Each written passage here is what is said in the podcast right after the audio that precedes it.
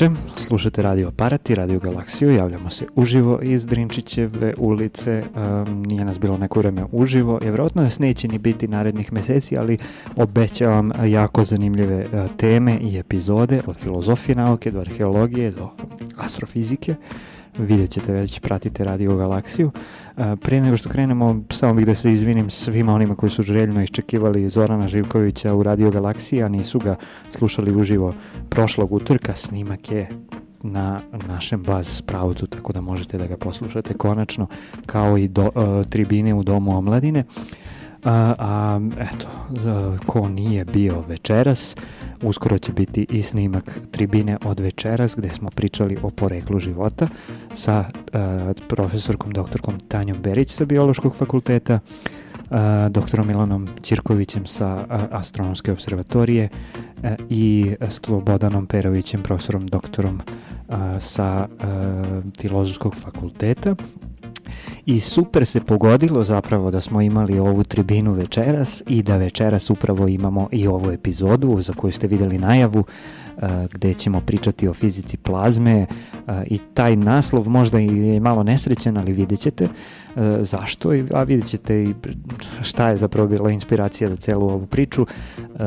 Pričat ćemo o fizici plazme, pričat ćemo o električnim pražnjenjima, pričat ćemo o čuvenom Miller-Jurijevom eksperimentu kog smo i pominjali večeras na tribini, pričat ćemo o raznim drugim stvarima vezanim za istraživanja neravnotežnih plazmi i tako dalje, a gost je doktor Saša Dujko, inače verni slušalac Radio Galaksije i posebno je drago što je, što je sad i gost Radio Galaksije. Saša je sa Instituta za fiziku iz laboratorije za neravnotežne procese i primenu plazme i dobrodošao u Radio Galaksiju. Hvala Dušane, bolje te našao i pozdrav svim slušalcima Radio Galaksije. Uh, ti si već bio na radio aparatu i na, o, ovu temu si na neki način već obradio uh, kod, kod nas ovde, kod Jovane Nikolić, tako da ja vas uh, sve pozivam da poslušate i to gostovanje, ali mi ćemo malo sad i da proširimo i da uđemo malo više u neke tehničke detalje i u startu odmah možemo da najavimo da ova epizoda će biti malo više, u epizodi će biti malo više priče o tehničkim, uslovno rečeno, stvarima, ali ćemo probati da je približimo svima koje, koje zanimaju ove teme, da vidite zapravo kako funkcioniše nauka iza, da kažem, i fizike plazme i ovoga što, što Saša radi, ali pre nego što krenemo sa tim, ajde da prvo pričamo zapravo o tome šta ti radiš, čime se baviš. Ja sam pomenuo da si uh, u laboratoriji za neravnotežne procese i primenu plazme na Institutu za fiziku. Baviš se plazmom pre svega, uh, ali evo ja sad evo koristim priliku da pomenem i da je uh, Saša jedan od ljudi koji je, uh, odnosno tvoji timovi su dobili dva projekta čak ove ovih famoznih ideja, pa možemo da krenemo od toga, da se malo predstaviš u kontekstu toga šta radiš, pa ćemo da pređemo na ove teme. Da, ovaj, pa jeste da, ja, ja me ljudi pitaju čime se ti baviš, ja volim da kažem da se bavim uh, kinetičkom teorijom i njenim primenama u nauci i, i tehnologiji. Ove, ovaj, ja nisam veliki ljubitelj tih podela, ovaj, u fizici, prosto ja volim da kažem da sam fizičar i da mm -hmm. ovaj, uh, volim da uh, dakle da, da, da radim ne samo u, ovaj, u, u okviru fizike plazme, nego vrlo često ovaj, se otisnem, da kažem, i u neke druge oblasti fizike. Mm -hmm. ovaj, verujem da ćemo večeras nešto o tome da kažem. U krajnjoj liniji ova tema o kojoj smo govorili večeras, Origins of Life, je zapravo jedan lep primer uh, gde možemo zapravo da vidimo kako metodologija koja je razvijena u okviru fizike plazme, pre svega fizike neravnotežnih plazmi, može da se koristi mm -hmm. za proučavanje mm -hmm. dakle, procesa abiogeneze o kojima ćemo kasnije nešto više da govorimo. Mm -hmm. A što se tiče ideje, da, da ti odgovorim na to pitanje, a, da, to je, taj, taj, pro, taj, taj, taj konkurs je trajao više od godinu dana i to je ovako bilo dosta naporno ove za sve nas, pogotovo spremanje tih projekata. Mm -hmm. Uspeli smo da dobijemo dva projekta ove, u našoj laboratoriji i ove, u tom smislu smo jako ponosni.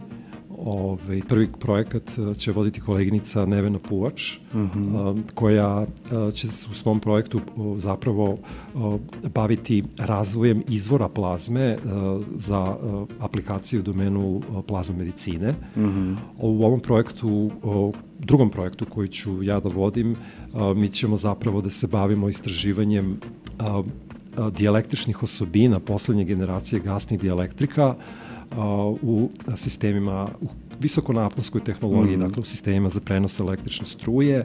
Naime, u tim sistemima ovaj, za prenos električne struje, dakle u transmisionim linijama, visokonaponskim, srednjenaponskim transformatorima, gasnim podstanicama i tako dalje, otvarajućim, zatvarajućim prekidačima, ti sistemi ovaj, koriste jedan vrlo specifičan gas za izolaciju, to je sumpor heksafluorid, mm -hmm. koji uh, je jako dobar gasni dielektrik, ima jako visoko kritično polje, uh, nisku tačku uključanja, uh, ter, hemijski je stabilan, uh, termalno je stabilan, nije zapaljiv, nije otrovan, mm -hmm. ovaj, ali sa druge strane je veoma štetan za atmosferu. Znači kad kažeš da je dobar dielektrik, da ima nisku tačku uključanja i tako dalje, to znači da zapravo je dobar um, izolator uh, kada su pit, kada je u pitanju prenos električne energije. Tako je. Uh, Tako okay. je, ovaj, tu je, tu je, dakle, Ali je štetan? Jako kom... je štetan, da, uh -huh. zato što su njegovi uh, takozvani uh, uh, potencijali za globalno zagrevanje, njegov potencijal za globalno zagrevanje jako visok, on je oko mm -hmm. 23.000, skoro 24.000 puta veći od globalnog potencijala za zagrevanje molekula CO2, mm -hmm. tako da zapravo 1 kg emitovanog SF6 otprilike pravi štetu kao koliko je to 24 tone mm -hmm. CO2 molekula. Da. Tako da zapravo u prva posljednjem ovaj, izveštaju inter, među, međuvladinog panela za klimatske promene u jedinim nacijama možete da pročitate zapravo da SF6 i gasovi koji se koriste za izolaciju trenutno ovaj, u sistemima za prenos električne struje zapravo doprinose sa preko 25% ukupno globalnom zagrevanju naše mm. planete. U tom mm -hmm. smislu veliki napori se ulažu da se nađu adekvatne zamene za uh, mm -hmm. ove su, uh, SF6 i uh, mi ćemo zapravo u ovom našem projektu da proučavamo najnoviju generaciju gasnih dijelektrika. Dakle, sad možemo da kažemo par reči o tome, dakle šta je, šta je zapravo cilj projekta. Cilj projekta je da se ovaj, a, proučavaju interakcije elektrona i molekula tog gasa, da se, da se, da se formiraju takozvani kompletni i samo usaglašeni skupovi preseka za rasejanje elektrona koji nama trebaju kao ulazni podaci za modelovanje u, u fizici plazme. Mm -hmm. a, eksperimentalno ćemo određivati a, takozvane probojne napone, odnosno o, o, o, cilj je dakle da, da dobijemo pašenove krive a, a, koje, iz kojih možemo da dobijemo kritična polja koje su neophodna za ovaj gas i ovaj, iz aksijalnih profila emisije mi ćemo zapravo da određujemo ionizacione koeficijente, jer se iz nagiba, dakle, aksijalne uh, emisije u tom, pra, u, recimo, u tauzendovom pražnju može, mogu dobiti uh, ionizacioni koeficijenti koji su nam neophodni za modelovanje plazme i za samog mm -hmm. modelovanje uh, proboja kako na niskom, tako i na visokom uh, pritisku. Mm -hmm. Znači, modelovanje će biti pre svega posvećeno streamerskim probojima, dakle probaju na visokom pritisku, ovaj, a ovaj, eksperimenti će biti više orijentisani na ovaj, nizak pritisak i na razumevanje dakle, fizike uh, tih procesa. Mm -hmm.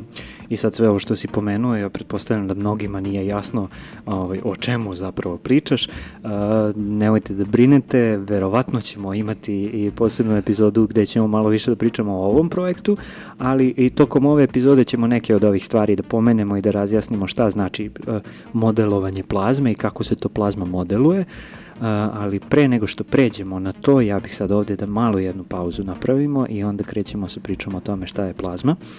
Imaćemo nekoliko pauza večeras koje su, odnosno muzik, muziku koju je Saša izabrao, tako da um, ajde po tvom izboru, ali idemo sa ovom najkraćom zapravo, uh, Cocteau Twins i uh, Kiko Buff. Tako je.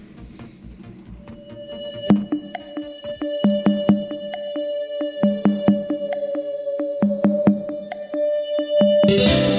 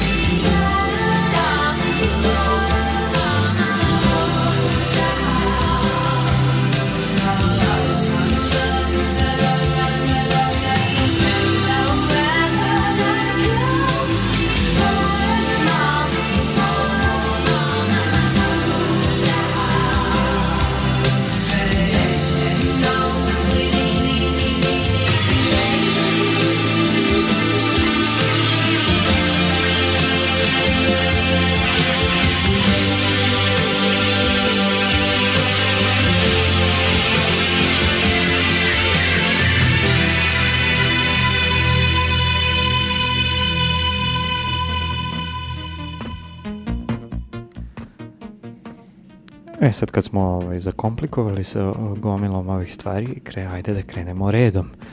E, I to od fundamentalnog pitanja i najšireg pitanja, pa ćemo posle da ulazimo u detalje, a to je šta je plazma? Šta je plazma, da. Ovaj, pa ja volim da kažem da zapravo mi živimo u plazma univerzumu. Mm. Ovaj, jer preko 99% vidljive barionske materije u univerzumu je u stanju plazme. Mm -hmm. Tako da, kako bih rekao, mi bi na izvestan način trebali da se emancipujemo od te ideje da u univerzumu vladaju uslovi uh, koji vladaju na zemlji. Zapravo, u univerzumu mi živimo plazma univerzumu. Mm -hmm. E sad, uh, plazma je jedno specifično stanje materije gde uh, postoji veliki broj nosioca, uh, slobodnih nosioca na elektrisanja ili drugim rečima, uh, u plazmi postoji veliki broj atoma, molekula koji su ionizovani. Mm -hmm. Dakle, znači, u plazmi postoji veliki broj elektrona, pozitivnih iona, negativnih iona i uh, ovaj, uh, zapravo mnogo širi pojam od plazme je ionizovani gas. Mm -hmm. Da bi ionizovani gas bio plazma mora da bude ispunjen čitav niz uh, ovaj, zahteva. Jedan od zahteva je makroskopska neutralnost tog gasa. Mm -hmm. Kad kažeš makroskopska neutralnost, znači e, imamo gomilu čestica koje su ionizovane ili su naelektrisane na neki način, znači nisu neutralne, ali kad sagledamo jednu veliku celinu, poput, na primer, zvezde ili poput nekog oblaka o, ovaj, gasa, oblaka plazme, e, Tako on je zapravo da, znači, neutralan ovako da, da, ako da. govorimo, -hmm. ako mhm. govorimo recimo o plazmama koje dobijamo u laboratorijskim uslovima, mm -hmm. u električnim gasnim pražnjima, makroskopska neutralnost zapravo znači da je, mi to kažemo u balku plazme unutrašnjosti, su spoljašna polja zaklonjena mm -hmm. ovaj, na električnim česticama, tako da zapravo tu je plazma uh, kvazi, kvazi neutralna. Mm -hmm. ovaj, to je dosta važan uslov za, za, da, bi, da, bi, da bi ionizovani gas mogli da nazovemo plazma. Mm -hmm. E sad, uh, plazme mogu da se podele na razne načine. Ovaj, generalno postoji ona prva podela na ravnotežne i neravnotežne plazme, mada striktno govoreći to baš i, na, i nije najbolja, ovaj, najbolji izbor za podelu plazme, jer ravnotežne plazme de facto ne postoje više univerzumu. Možemo govoriti o lokalno, mm -hmm, lokalnoj ravnoteži. Jes, da. lokalnoj ravnoteži. Ravnotežne plazme su postojale zapravo a, u vrlo ranim fazama razvoja univerzuma, kada mm. su, a, dakle, pre nukleosinteze, pre nastanka hemijskih elemenata, kada je čitav univerzum bio a, sastavljen od od parova čestica i antičestica koje su se međusobno anihilirale i proizvodile zračenja, onda ponovo iz zračenja ovaj, su nastajali ti isti parovi čestica i antičestica i zapravo u tim ranim fazama možemo govoriti o ravnotežnoj plazmi zbog toga što su vladali uslovi hemijske ravnoteže i statističke uh mhm, -huh, ravnoteže. Uh mhm. -huh. Hemijska ravnoteža to znači zapravo da je brzina ovih interakcija koje su brzina anhilacije recimo čestica i produkcije zračenja bila veća od brzine širenja univerzuma. Mm -hmm. Statistička ravnoteža to opet znači da su eventualno nekakvi elastični sudari između ovih čestica održavali tu termalnu raspodelu.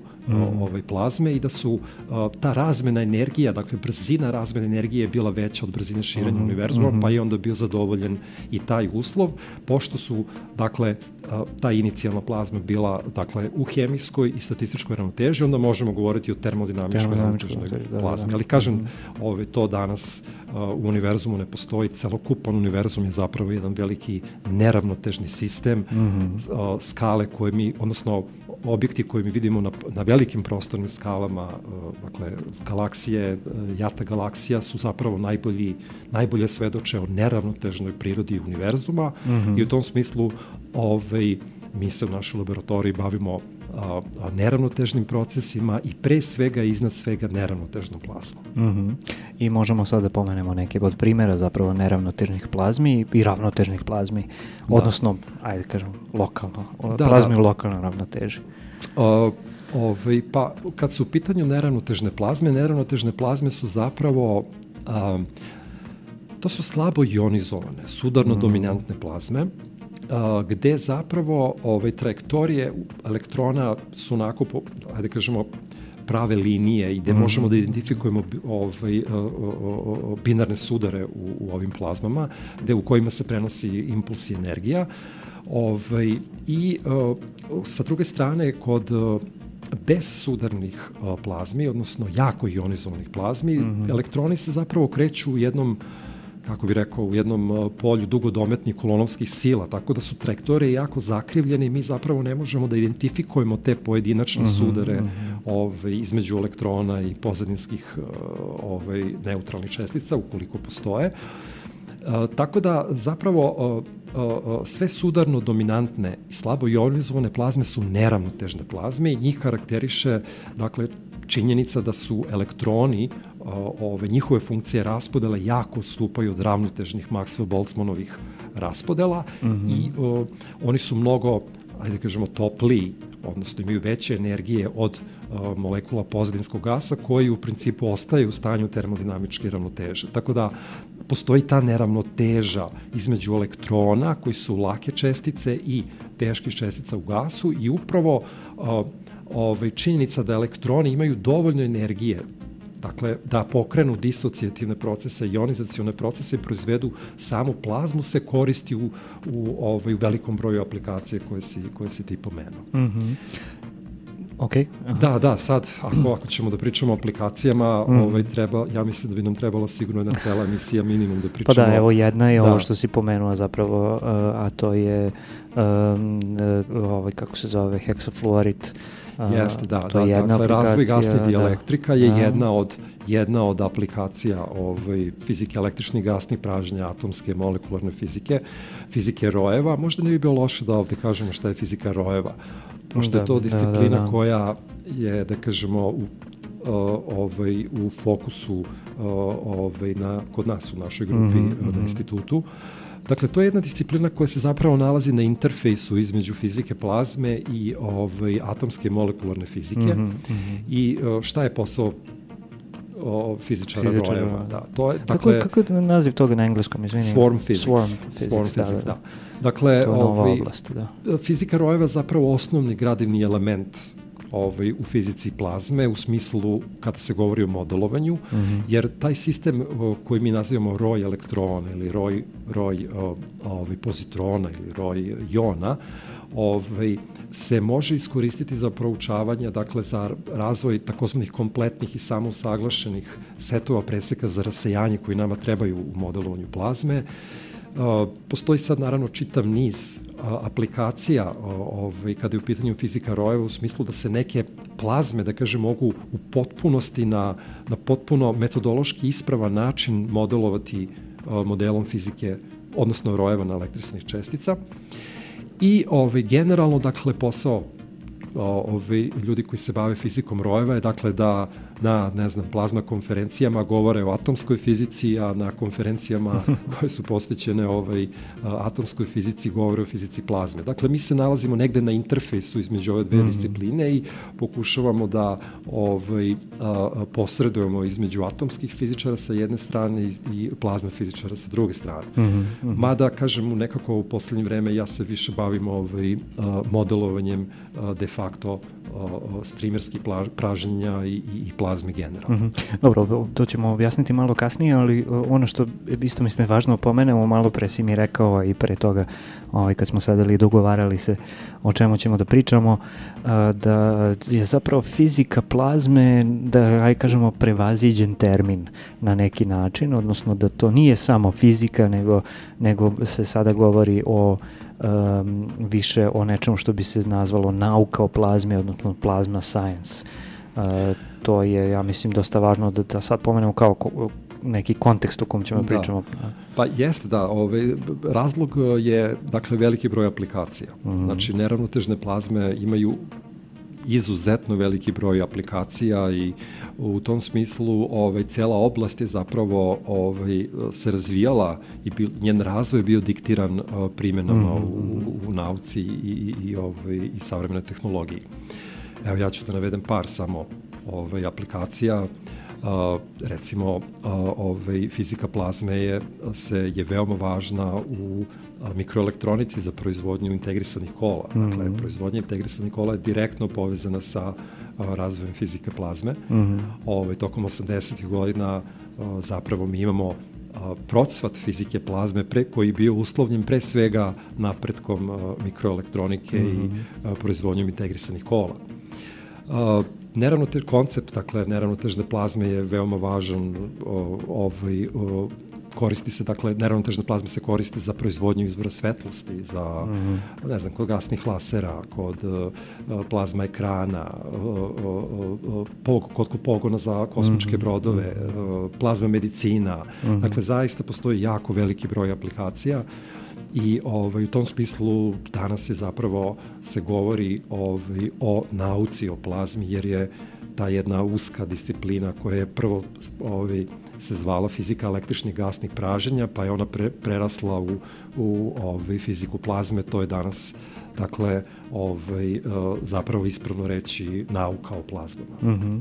I ajde, da sad taman kad si pomenuo da je zapravo se prvo naz, zvala fizika električnih gasnih pražnjenja i tako dalje, ajde da možda napravimo jednu malu digresiju o tome kako se istorijski razvijala zapravo fizika, odnosno nauka, nauka o plazmi, što, nam zapravo, što će nam zapravo govoriti o tome kako mi plazmu opisujemo.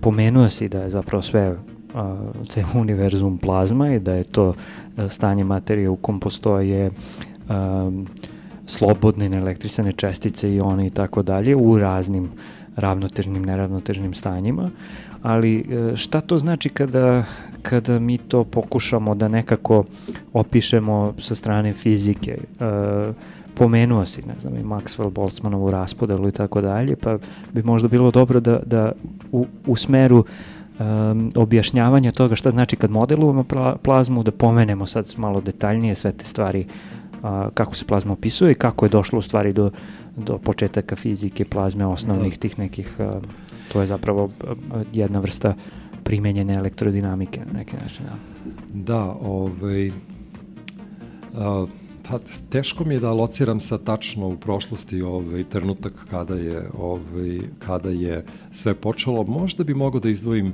ovaj The Great Exhibition, veliki sajam 1851. godine ovaj u Londonu kada je napravljen prvi sajam nauke i tehnike gde je ovaj, čini mi se Far, postoji ona apokrifna priča da je Faraday ovaj, ovaj, tu prikazao svoj mm. ovaj motor jednosmer, jednosmerne struje mm. i da je mm-hmm. britanski u to vreme ministar financija mu prišao i rekao o čemu se radi, zašto ovo radite, ovaj, zašto uzalud trošite naš novac, a da je Faraday odgovorio Uh, ministre, budite uvereni da ćete naplatiti puno poreza od, mm. od uh, ove fizike koju ovde vidite. Uh, mislim da je nas, da je uh, nas, ajde da kažemo, uh, formiranje Cavendish laboratorije mm -hmm. bio jedan veoma značajan ovaj, uh, trenutak u istoriji. Dakle, Uh, William Cavendish je 1874. godine donirao 6300 funti za formiranje laboratorije u Cambridgeu ovaj, i uz uslov dakle, da univerzitet finansira profesore i obezbedi mm -hmm. stipendije za studente. Ovaj, prvi kako se to kaže, direktor ili upravnik te ove laboratorije je bio um, um, Maxwell, mm -hmm. Koji uh, je nažalost preminuo u 48. godini, 1879. godine, tako da on nije, nije ovaj, doživeo da, da vidi mhm, trim mhm. svoje uh, uh, elektrodinamike mm -hmm, i dakle i u krajnjoj liniji i, i, i statističke mehanike koju je on ovaj, formulisao zajedno sa Boltzmannom. Onda, dakle, nakon, nakon ovaj, uh, Maxwella, Lord Rayleigh je bio ovaj, uh, direktor uh, Cavendish laboratorije, njega znamo po Rayleighovom rasajanju mm -hmm. i on čuveno ovaj, čuveno pitanje zašto je nebo plavo. Zašto je nebo plavo, da, da. Ove, dakle, Rayleigh je zapravo dobio Nobelovu nagradu ove, između ostalih za otkriće ar, argona. Mm -hmm. Njega je nasledio J.J. Thomson. Mm -hmm. Znači, svakako jedan od najvećih eksperimentalnih fizičara, čovjek koji je otkrio elektrone analizirajući katodne zrake. I postavi ovaj, prvi model zapravo, prvi je, funkcionalan model atoma. Tako da. je, prvi funkcionalni model atoma, otkrio je izotope. Uh, dakle, kada pogledate ko su bili njegovi studenti, mm -hmm. znači, evo ja ću da pokušam da nabrojim par njegovih studenta, uh, uh, Rutherford, mm -hmm. uh, uh, Oppenheimer, uh, Niels Bohr, uh, Max Born, uh, John Townsend, mm -hmm. uh, CTR Wilson, o kome ćemo kasnije nešto da pričamo, uh, bojim se, Francis Aston, znači to su sve Nobelovci, mm -hmm. ovaj, većina njih su Nobelovci, ovaj, o, otac i sin, eh, Henry i Lawrence Bragg, koji su se bavili mm -hmm. difrakcijom ih zraka na kristalima. Znači, to su sve ljudi mm. koji su dobili Nobelove nagrade u fizici. I mnogi od njih su zapravo i sami bili uh, učitelji velikim zapravo jest. grupama i generacijama fizičara koji su, koji su napravili proboje kasnije. Jest, da. jest. Tako da, ovaj, eto, ako bih trebalo, ako bih ako hoćemo da lociramo taj neki trenutak u istoriji kad je krenulo ovaj kad je krenulo ozbiljno da se radi fizika električnih gasnih pražnjenja to je svakako Cavendish laboratorija mm -hmm. ovaj radovi J.J. Thompsona radovi uh, Johna Townsenda koji je zapravo otac fizike električnih gasnih pražnjenja koji se bavio puno razumevanjem procesa ionizacije i, i pražnjenja mi zapravo mm -hmm. to pražnjenje da nazovemo Townsendovo pražnjenje Ove, I tu je CTR Wilson koji se bavio jako puno atmosferskim elektricitetom i ove, pričat ćemo kasnije, mm -hmm, verovatno, mm -hmm. još malo detaljnije o njemu, zato što nam je on naročito zanimljiv za, za ovu današnju temu. Mm -hmm, mm -hmm. Uh, I sad ako se ja dobro sećam svojih studija fizike, uh, zapravo imamo jednu vrstu uh, dinamičkih jednačina koje opisuju kretanje neelektrisanih čestica i na osnovu toga i na osnovu statističkih jednačina mi možemo zapravo da opišemo razne e, grupe, da tako kažem, razne um, ansamble čestica koje, koje onda možemo da opišemo u skladu sa tim šta nam zapravo treba. A, I tu, da. tu nam glavnu ulogu zapravo igraju Maxwellove jednačine. Da, Maxwellove jednačine su da, jednačine... Moramo da pomenemo. da, da, naravno moramo da ih pomenemo, to su jednačine elektro, ove, elektrodinamike koje mi danas da. koristimo u modelovanju plazme, mm -hmm. ali ovaj, a, zapravo a, Maxwell je prvi, ovaj, a, da kažemo, a, predložio taj, taj a, um, statistički koncept mm -hmm. ovaj, u fizici, dakle on je na izvestan način, pored naravno Ludviga Boltzmana, ovaj, uh, uh, rodonačelnik uh, statističke uh, mehanike i on je zapravo prvi predložio ono što mi danas zovemo fluidne načine u mm -hmm. ovaj modelovanju plazme. Dakle, on je ovaj, iz prvih principa do duše, ove, izveo jednačine, pokazao dakle kako izgledaju ove jednačine balansa za koncentraciju na električnih čestica, srednju brzinu, znači za balans srednje brzine, srednje energije i tako dalje. Ovaj, a onda je Ludwig Boltzmann inspirisan Maxwellovim radovima, mm. kasnije 1872. godine u svom čuvenom radu, dakle, prikazao Boltzmannovu jednačinu koja je zapravo centralno mesto ovaj, zauzima u fizici neravnotežne plazme, jer se njenim rešavanjem dobija neravnotežna funkcija raspodele, iz koje onda mi možemo da dobijemo integracijom ovaj, sve makroskopske parametre koji nas mm. zanimaju, počevši od koncentracije na elektrisanih čestica, plazme provodnosti i tako dalje. Mm. Tako da, dakle, kombinacija svakako kinetičke teorije mm -hmm. ovaj, gasova i eksperimentalne fizike električnih pražnja je zapravo bilo, bio taj trenutak kada je nastala ove fizika plazme. Mm -hmm, mm -hmm.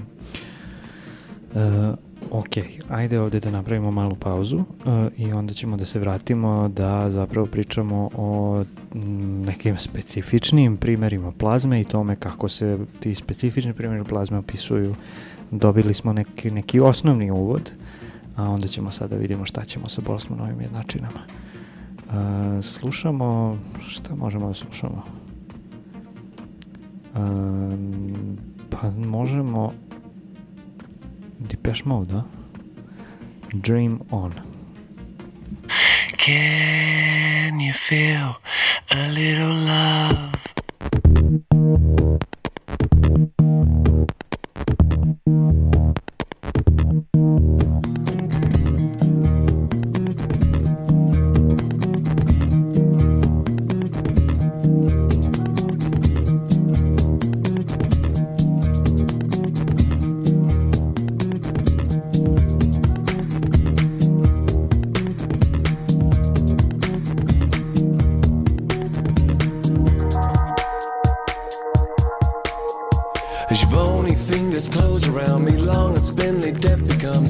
Heaven, can you see what I see?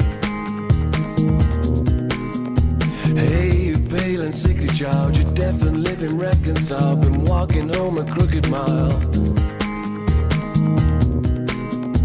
Paying debt to karma, your body for a living. What you take won't kill you, but careful what you're giving.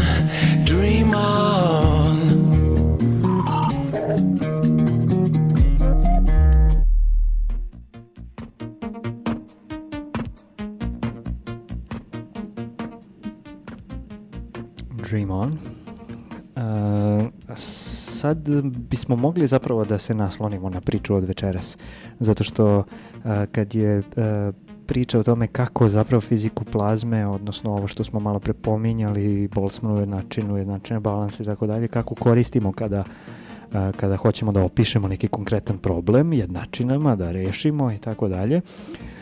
Jedna od zapravo zanimljivih stvari je ta, to, to je ono što si pomenuo na početku, to je plazma kinetika, ali ajde da uđemo u to tako što ćemo da se referišemo za načuveni Miller Jurejev eksperiment i sad možda ljudima zvuči kao otkud sad je Miller Jurejev eksperiment, plazma kinetika je načine balansa, uh, kad eto, u pitanju je poreklo života, ali, ali zapravo je Da. vrlo, vrlo ovaj, zanimljiva uh, plazma kinetika.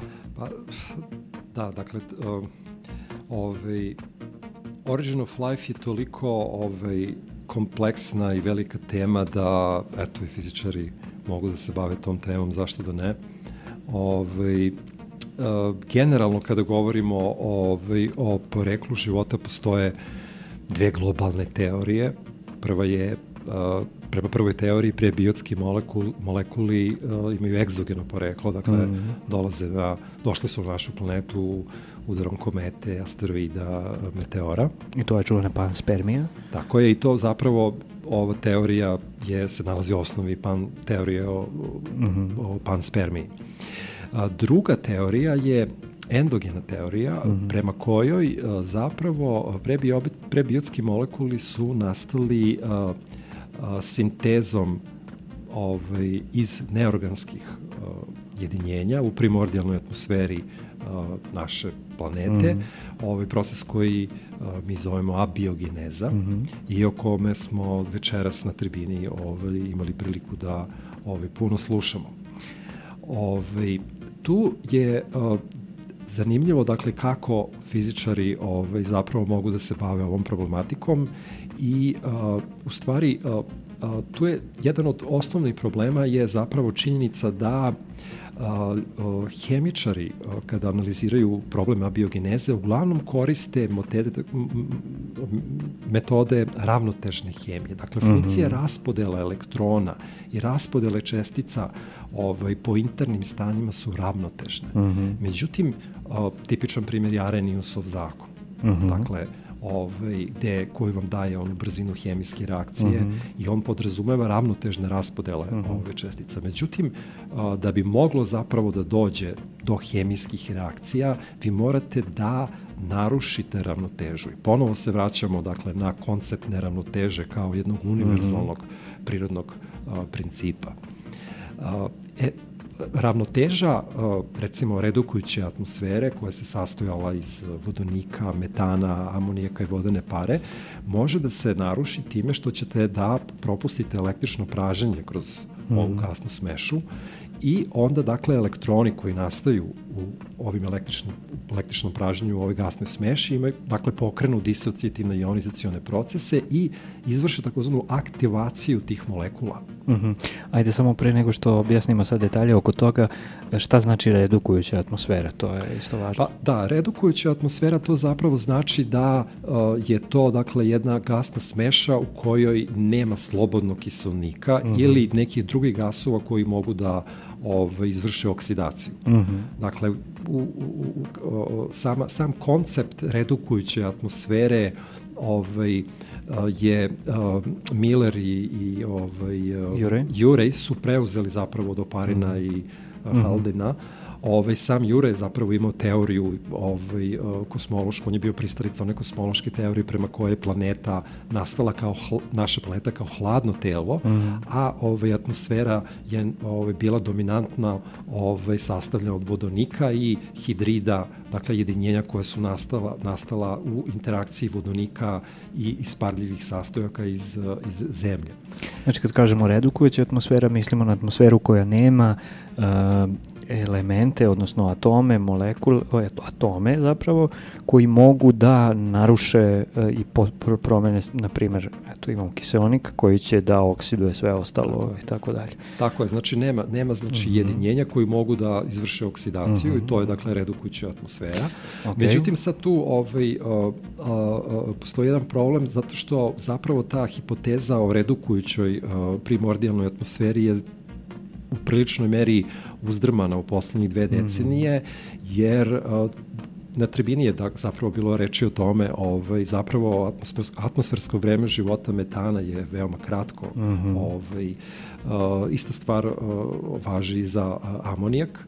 Mm -hmm. ovaj, sa druge strane, uh, ovaj, geolozi su nam dakle u svojim najnovim radovima pokazali da je zapravo primordijalna atmosfera verovatno bila uh, blago redukujuća i da se mhm. sastojala pre svega od ugljen dioksida, azota, vodonika i u tragovima je bila ugljen monoksida. Mm -hmm. E sad, naravno, tu se postavlja pitanje koliko je ova blago redukujuća atmosfera bila efikasna za produkciju ovaj, aminokiselina, to je sad mm jedna posebna tema, postoje radovi gde, gde, gde je to lepo pokazano i objašnjeno. U svakom slučaju, ovaj, dakle, Imamo redukujuću imamo atmosferu. redukujuću ovaj, o, o, o, atmosferu i sad se postavlja pitanje na koji način ćemo mi da izvršimo aktivaciju tih molekula koji onda mogu da stupe u hemijske reakcije. I da onda, znači, hemijske reakcije, to je ovo što se zove zapravo abiogeneza, da imamo, znači, aktivaciju molekula poput uh, ugljen dioksida, metana i tako dalje i da uh, u tim procesima oni stvore zapravo neke vrste, neke aminokiseline koje kasnije mogu da grade proteini i tako dalje. Jest, da. Da ne ulazimo dakle, u taj dakle, deo da, tamo. u originalnom Miller-Uriovom eksperimentu, koliko se sećam, bilo je detektovano samo tri aminokiseline, Mhm. uh, glicin, alfa, uh, alanin, beta-alanin ovaj, i naravno značajne količine vodonik cijanida Mhm. i formaldehida koji su dva najvažnija, da kažem, molekula za sintezu aminokiselina. Mhm. Uglavnom, dakle, potrebna mi je izvor energije. Mhm. I ovaj, jedan od načina da obezbedite energiju za pokretanje neravnotežnih hemijskih procesa ovaj, je supra električna praženja. Mm -hmm. Drugi mehanizam bi bio recimo aktivacija molekula solarnim UV fotonima ili udarnim talasima koji nastaju prilikom pro, prolaska meteora. Ili atmosferu. radioaktivnim zračenjem Ili nekim tako je, dakle, iz unutrašnjosti iz zemlje, na primjer. Da, da. Tako je. Mhm. Ovaj, pos, kosmičko zračenje Mhm, takođe. Ovaj, dakle, postoji sad puno načina da se ovaj, a, da se krene u tu ovaj neravnotežnu da kažem u- u- hemiju koja će onda dakle da obezbedi uh, uslove koji su neophodni za sintezu organskih molekula. Ja Mhm. mislim da u principu električna praženja tu su veoma zgodna Mhm. jer zapravo mi onda u laboratoriji veoma je teško imati eksperimente sa recimo ovaj a, a, sa radioaktivnim ovaj elementima gde biste vi onda gledali kako ionizacija ovaj koja nastaje zbog prirodne radioaktivnosti utiče na ovaj prebiotsku hemiju. Mnogo je lakše to u laboratoriji raditi ovaj koristeći električna gasna pražnja i u tom smislu proučavanja ovaj električnih gasnih pražnja u ovim gasnim smešama je jedan dobar metodološki pristup za razumevanje a, ovaj a, sinteze organskih molekula. Pritom su električno gasna pražnjenja zapravo izvori ogromne količine energije, mnogo veće zapravo nego uh, o, u, te, u tim nekim ono mikrovremenskim segmentima. Tako je, dakle, ovaj, a, da biste disosovali i ionizovali molekule, vama su potrebni elektroni ovaj, rede veličine 10 elektronvolti. Ovaj, a, jedini način da ih dobijete ovaj, su o, ove električna gasna pražnja. I to su i Mil, Miller i Urey shvatili zapravo, jer njima je trebalo ovaj, da imaju neki izvor energije koji će da disosuje te ovaj, molekule u toj smeši njihovoj u eksperimentu i onda su, jel te, uzeli katodu, anodu i daj da pustim neku struju kroz to. Jel Tako da? je.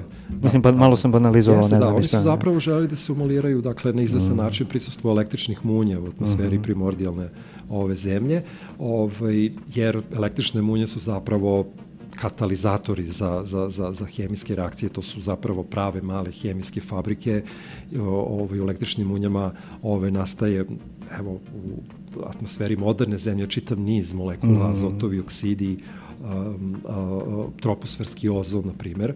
Ove, to su dakle molekuli koji nastaju ovaj, u električnim munjama, o, konkretno azot monoksid, ovaj, oksidacijom nastaje azot NO2, to je dakle azot e, Dioksid. dioksid koji ovaj onda ovaj igra veoma važnu ulogu u kruženju azota pošto mm Mhm. -hmm. u kombinaciji sa kišnim kapima dakle nastaje azotna azotasta kiselina koja kad ospe u zemlju zemlju ovaj onda azotofiksatori mogu da ovaj mm Mhm. -hmm. kako bih rekao proizvedu nitrate amonija koje biljke mogu da koriste. Mm Mhm. -hmm. ovaj tako da zapravo imamo jedan imamo to je lep primer kako je zapravo sve u prirodi jako lepo povezano što me odma ovaj naravno podseća na teoriju Gaje i koju smo mm -hmm. pominjali večeras na tribini. U svakom slučaju električne munje su kao što sam rekao pravi pravi jedan mali uh, ovaj mala fabrika za hemijske ovaj hemijska jedinjenja. Tako da nije ni čudno što su Miller i Urey ovaj, upravo ovaj, koristili električna gasna praženja za aktivaciju molekula, za njihovu disocijaciju, njihovu ionizaciju, za proizvodnju eksitovanih stanja, metastabilnih stanja koje onda u komplikovanoj pl plazma hemiji mogu da dovedu do sinteze organskih molekula. I to je zapravo ono što ovaj što fizika, ajde kažemo što je predmet proučavanja fizike plazme kada je u pitanju Miller-Urey eksperiment. Dakle, plazma kinetika je jedna disciplina koja u okviru fizike plazme proučava a, a, hemijske reakcije i brzinu hemijskih reakcija. Mm -hmm.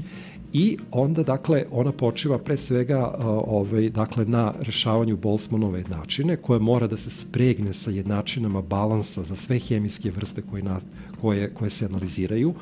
U Miller-Jurjevom eksperimentu to su sigurno stotine i stotine reakcija hemijskih za koje mm. vi morate da znate brzinske koeficijente. Ovaj, tako da vi u jednom takvom modelu da spregnete Boltzmannovu jednačinu, ove, za elektrone, ione ili za neke druge neelektrisane čestice koje mogu da indukuju hemijske procese, spregnete ih s ovim jednačinama balansa za razne hemijske vrste i vi zapravo dobijete kao rezultat jednu prostornu i vremensko razloženu plazma kinetiku, odnosno evoluciju kako zapravo dolazi do sinteze organskih molekula. Mm -hmm. Ajde pre nego što ovaj, pređemo malo na to, da samo objasnimo šta znači kad se neke jednačine spregnu. Odnosno, i čak ovde konkretno, znači šta, šta su nam jednačine balansa, šta nam one daju, odnosno šta su, uh, ajde da kažem, ulazni parametri, šta su, jednačine su, svaka jednačina na, na neki način to, imate neke ulazne parametre, imate neke izlazne parametre, odnosno nezavisne, zavisne, promenljive, a onda kad imamo više jednačina koje opisuju jednu istu pojavu, uh, one mogu da budu spregnute, jel te? E sad, šta to znači konkretno sad ovde? Da, da, da, konkretno ovde u ovoj situaciji, ovaj, kada se radi o plazma kinetici, ovaj, a, a, to kuplovanje ovaj, -hmm. Boltzmannove načine i načina balansa ovaj, je a, se radi posredstvom brzinskih koeficijenata za reakcije koji se izračunavaju rešavajući Boltzmannovu jednačinu. Dakle, to je taj mm -hmm. parametar koji onda ulazi u ove jednačine balansa.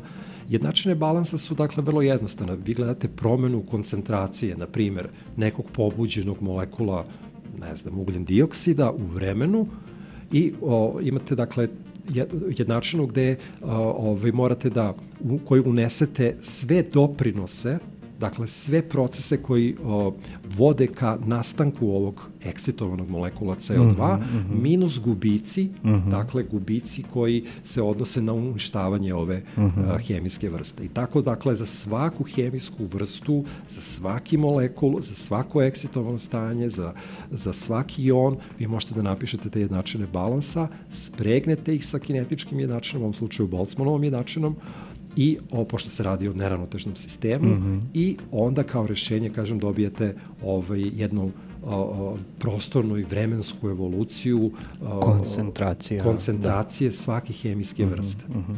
Znači to je jedan ogroman sistem jednačina koje su međusobno spregnute u smislu da su svi ti parametri se nalaze u različitim jednačinama a, e, i to je naravno nešto što mora da se radi numerički. Tako je. E sad ne znam, možemo mi da, možemo da ostavimo to za kasnije, možemo i da pri, pri, pričamo malo o tome šta znači rešiti numerički takav sistem jednačina uh, i uh, koliko je to važno u, u ovoj sada disciplini i kako se to onda povezuje sa eksperimentima, jer to je zapravo smo u nekom trenutku pričali, ne mogu da se setim da smo pričali ovaj, na putu od tribine do ovde ili ovde u pauzi i tako dalje, pričali smo koliko je zapravo zapostavljena eksperimentalna fizika u ovim uh, kontekstima. Pa da, ovaj, u principu Boltzmannove načinu se rešava numerički, uh mhm. -huh. ovaj, ne možete da je rešite analitički, trivialno rešenje Boltzmannove načine je Maxwellova raspodela u termodinamičkoj ravnoteži. Dakle, Boltzmannova jednačina je jako važna u fizici plazme jer se njenom integracijom u brzinskom prostoru dobiju, dobijaju fluidne jednačine, jednačine balansa. Mm -hmm. ovaj, to je ono što mi zovemo fluidni modeli i onda, onda bez obzira imate dve opcije. Jedna opcija je da spregnete te fluidne jednačine za koje vam daju uh, balans uh, koncentracije i impulsa srednje energije sa, Maxwell, sa Maxwellovim jednačinama, pošto želite da imate naravno samo saglašeni koncept kad su polja u pitanju i mm -hmm. rešavate taj sistem. Druga opcija je, to je ono što mi zovemo fluidni modeli u Mhm. modelovanju plazme. Druga opcija je da, ima, da rešavate Boltzmanovu jednačinu i nju spregnete sa, recimo, Poissonovom jednačinom, ukoliko ovaj, modelujete, na primjer, stigimarska pražnja, pa vam trebaju ovaj, dobar opis a, a, efekata prostornog naelektrisanja. Mm. Dakle, a, morate takav jedan komplikovan sistem i načina da rešavate numerički. Boltzmanova jednačina se je jako komplikovana za rešavanje. To radi se o jednoj integro-diferencijalnoj jednačini, ovaj, koja a, zahteva, znači Ludwig Boltzmann je inicijalno rešavao problem a, dva monoatomska gasa u jednoj gasnoj smeši gde su se molekuli samo elastično sudarali. Ovaj, danas, recimo konkretno mi na Institutu za fiziku bavimo se rešavanjem Boltzmannove načine za mnogo komplikovanije sisteme, mm -hmm. ovaj, pre svega za rojeve na elektrisanih čestica ovaj, i tu uh, zapravo vi morate da Uh, uh, ima nekoliko metoda za rešavanje Boltzmannove načine. Mi koristimo takozvanu momentnu metodu za rešavanje Boltzmannove načine, što zapravo znači da mi funkciju raspodale razvijamo u uh, red po nekim specijalnim funkcijama, ovaj, konkretno, po, konkretno kada je u pitanju brzinski prostor po svernim harmonicima, ovaj, zatim prepostavimo a, obično hidrodinamičke uslove, što znači da nama ovaj, da nemamo nikakve ponore, izvore čestica, neke mm. nekakve fizičke barijere u sistemu, singularitete, da, da. tako je. I konačno ovaj, za opis energijske zavisnosti, odnosno brzinske zavisnosti, mi je ponovo razvijemo funkciju raspodala u red po nekim sonine, polinomima, odnosno specijalnim funkcijama. Sve to vratimo u Boltzmannovu jednačinu, prointegralimo u brzinskom prostoru i zapravo mi nju transformišemo u jedan beskonačan sistem diferencijalnih jednačina koje onda rešavamo numerički. Mm -hmm.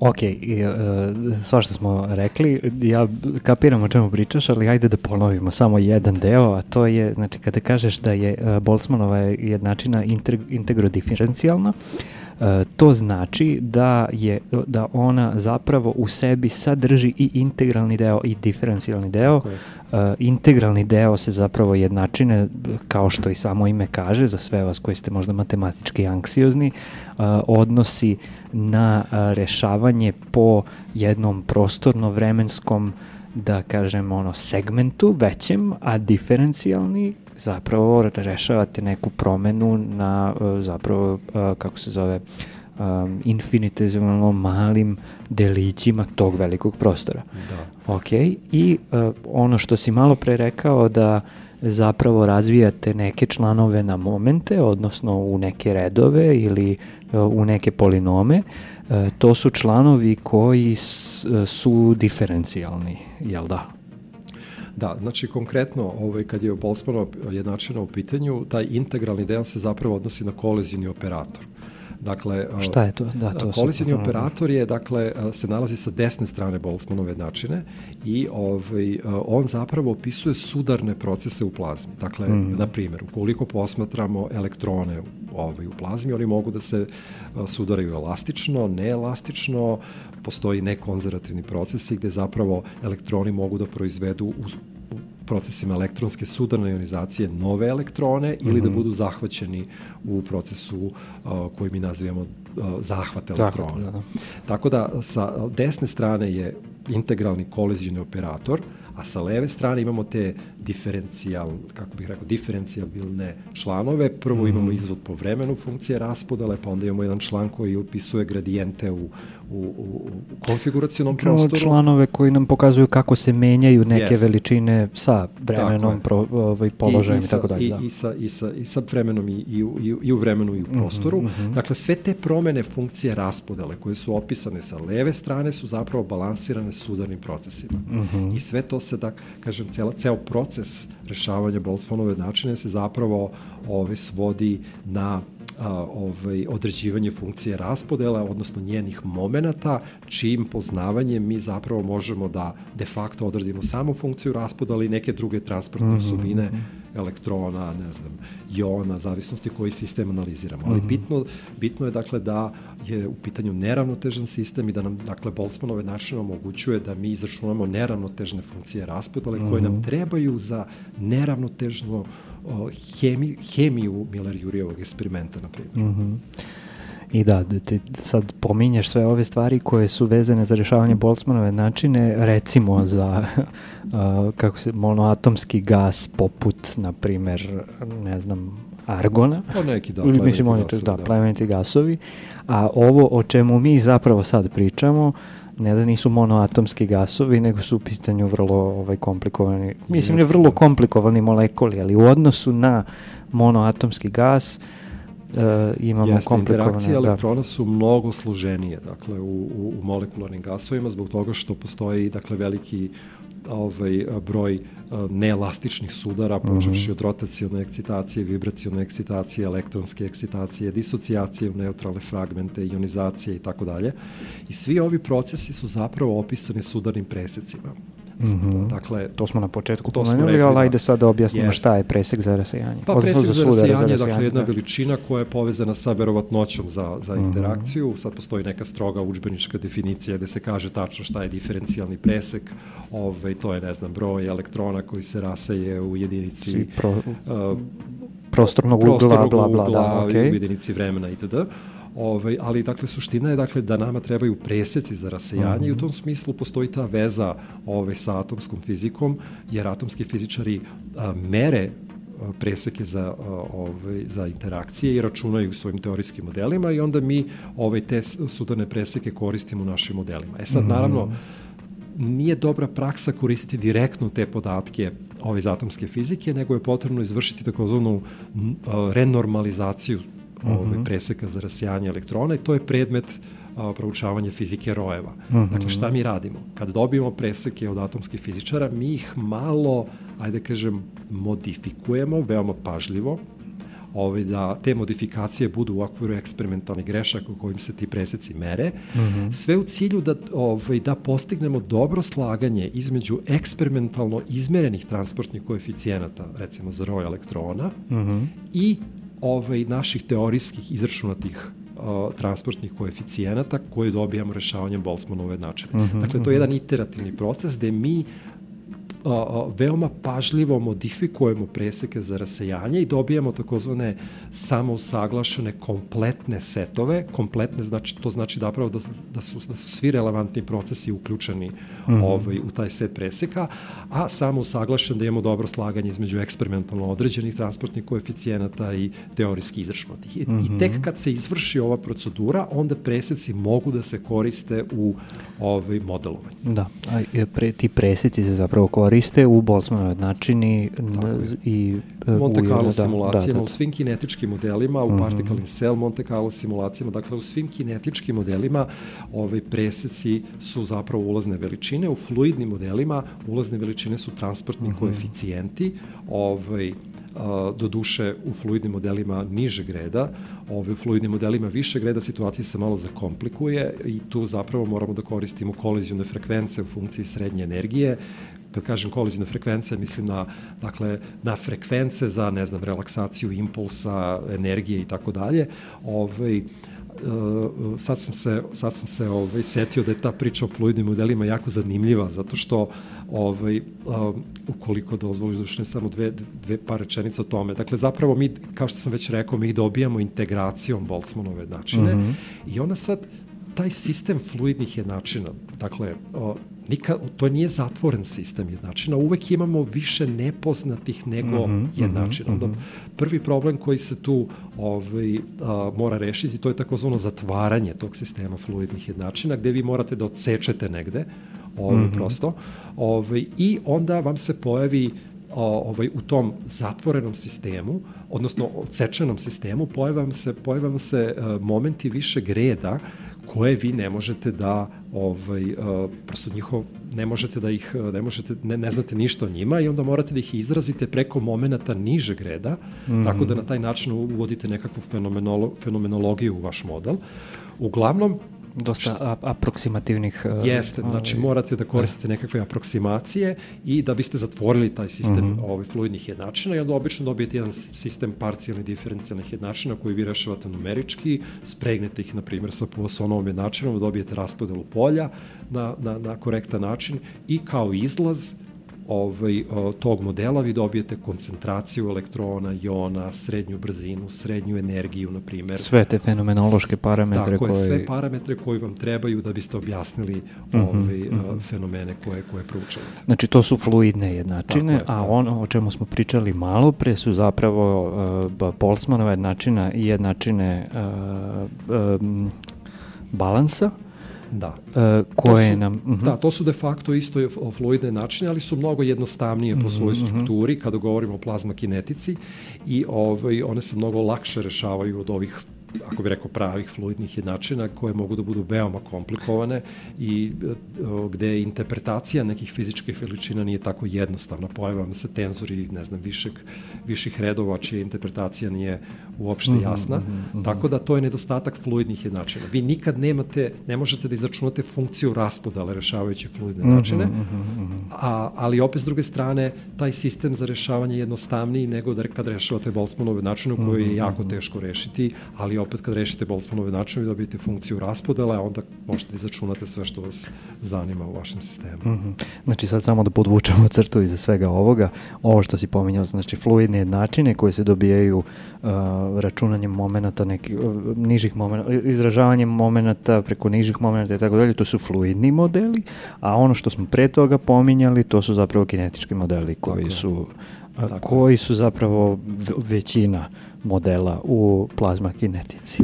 Da, za, zapravo da, koriste se i, i kinetički modeli u plazma kinetici koji su dakle zasnovani na rešavanju Boltzmannove načine, ali imamo i Monte Carlo simulacije, mm -hmm. znači one su vrlo zgodne ovaj, takođe za ovaj problem, zato što zapravo a, pokazuje se da plazma kinetiku možete da modelujete i kao stohastički proces. Mm -hmm.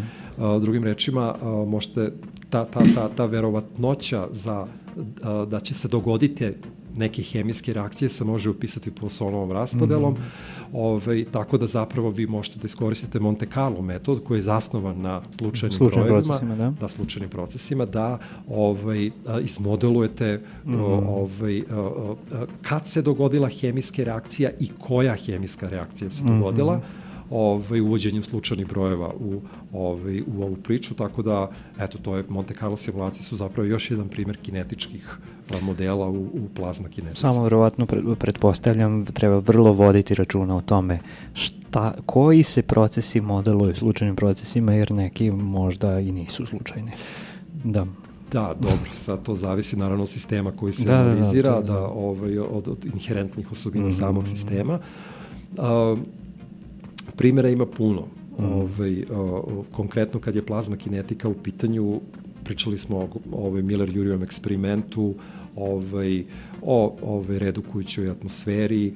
Mislim, tu je jedan od uh, lepih primjera zapravo aktivacija molekula CO2, Mhm. ugljen dioksida. E, To je dakle molekul koji je dominantan u atmosferi Marsa, ovaj, Venere, e, dakle jedan od najvažnijih, da kažemo, gas e, staklene, kako se to kaže, staklene staklena bašte, bašta, da, koji, da, da. koji, koji, je, ovaj, koji je odgovoran za globalno zagrevanje. A, ovaj, I, ne znam, veoma je važan recimo za CO2 lasere koji se mnogo koriste u industriji, Mhm, ovaj, jer su to laseri velikih o, izlaznih snaga. U svakom slučaju, recimo na primjeru CO2 molekula, možemo da vidimo kako funkcioniše ta uh, plazma kinetika i kako se Re, zapravo relativno aktivira. jednostavan molekul, ok. Da, to je relativno jednostavan molekul uh -huh. koji se dosta teško disosuje. Uh Mhm. -huh. I ovaj, uh, dakle, ako hoćete da disosujete molekul CO2, potrebni su vam elektroni rede veličine, kao što smo već rekli, desetak elektronvolti, znači morate da imate nekakvo pražnje koje će, gdje će elektroni prosto rečeno da razbiju taj molekul, uh -huh. ovaj, da ga disosuju. Međutim, ovaj, a, mnogo pametniji način za ovaj, aktivaciju molekula CO2 je a, ovaj, a, a, putem vibracione ekscitacije samog molekula. Mm -hmm. ovaj, dakle, elektron u elektronskim sudarima, odnosno u sudarima elektrona i CO2 molekula dolazi do vibracione ekscitacije molekula. Odnosno, molekul dođe u stanje uh, vibracione pobuđenosti. Jeste, vibracione pobuđenosti. Konkretno kod molekula CO2 postoji više vibracionih moda, takozvani asimet, asimetrični streč uh, uh, i bending. Ovaj, kod ovog asimetričnog uh, istezanja mole, molekula zapravo vi uh, u sudarima elektrona i molekula možete da pobudite taj prvi nivo za vibracijono mm -hmm. istezanje, a onda ovaj, u naknadnim sudarima možete da popnete internu, interno stanje samog mm -hmm. molekula na više nivoe. Gde On, je lakše zapravo? Jeste, da... gde, se, gde on može lakše da se disosuje. E sad to možete da uradite do recimo četvrtog, petog nivoa, a nakon toga preseci za tu interakciju jako padaju. Mm -hmm. Tako da onda morate da napumpate, kako bi rekao, energiju u sam molekul kroz uh, sudare vibracijalno pobuđenih molekula CO2 i ovaj, uh, drugih molekula koji su takođe vibracijalno pobuđeni mm -hmm. i na taj način da popnete, to su kao nekakve, kako bi rekao, energijske uh, merdevine. Vi prosto penjete internu energiju molekula ovaj, na sve više i više ovaj, energije, tako da kada je molekul pobuđen, ovaj, na nekom 22. recimo vibracijalnom nivou, vi onda možete lako da ga disosujete, mm -hmm. potrebno vam je malo energije, manje od jednog elektrovolta da disosujete mm -hmm. uh, molekulu. E to je upravo važno za Miller-Jurjev eksperiment. Mm -hmm. Dakle, ovaj, aktivacija molekula putem vibracijalno pobuđenih molekula, elektronski pobuđenih molekula i to je ono što čime se bavi plazma kinetika. Dakle, u jednom električnom praženju vi zapravo možete da simulirate te neravnotežne procese koji su neophodni da bi moglo doći do sinteze organskih molekula. Mm -hmm. A, dobro. Ajde, sad ćemo da napravimo pauzu, a, pa ćemo da se vratimo. A, malo pre smo slušali Dream On, a sad ja tebe iznenađujem bendom koji se zove Sixth June i koji je neka vrsta um, dark wave synth popa. Naš je bend u pitanju, a, a pesma se zove In Dreams.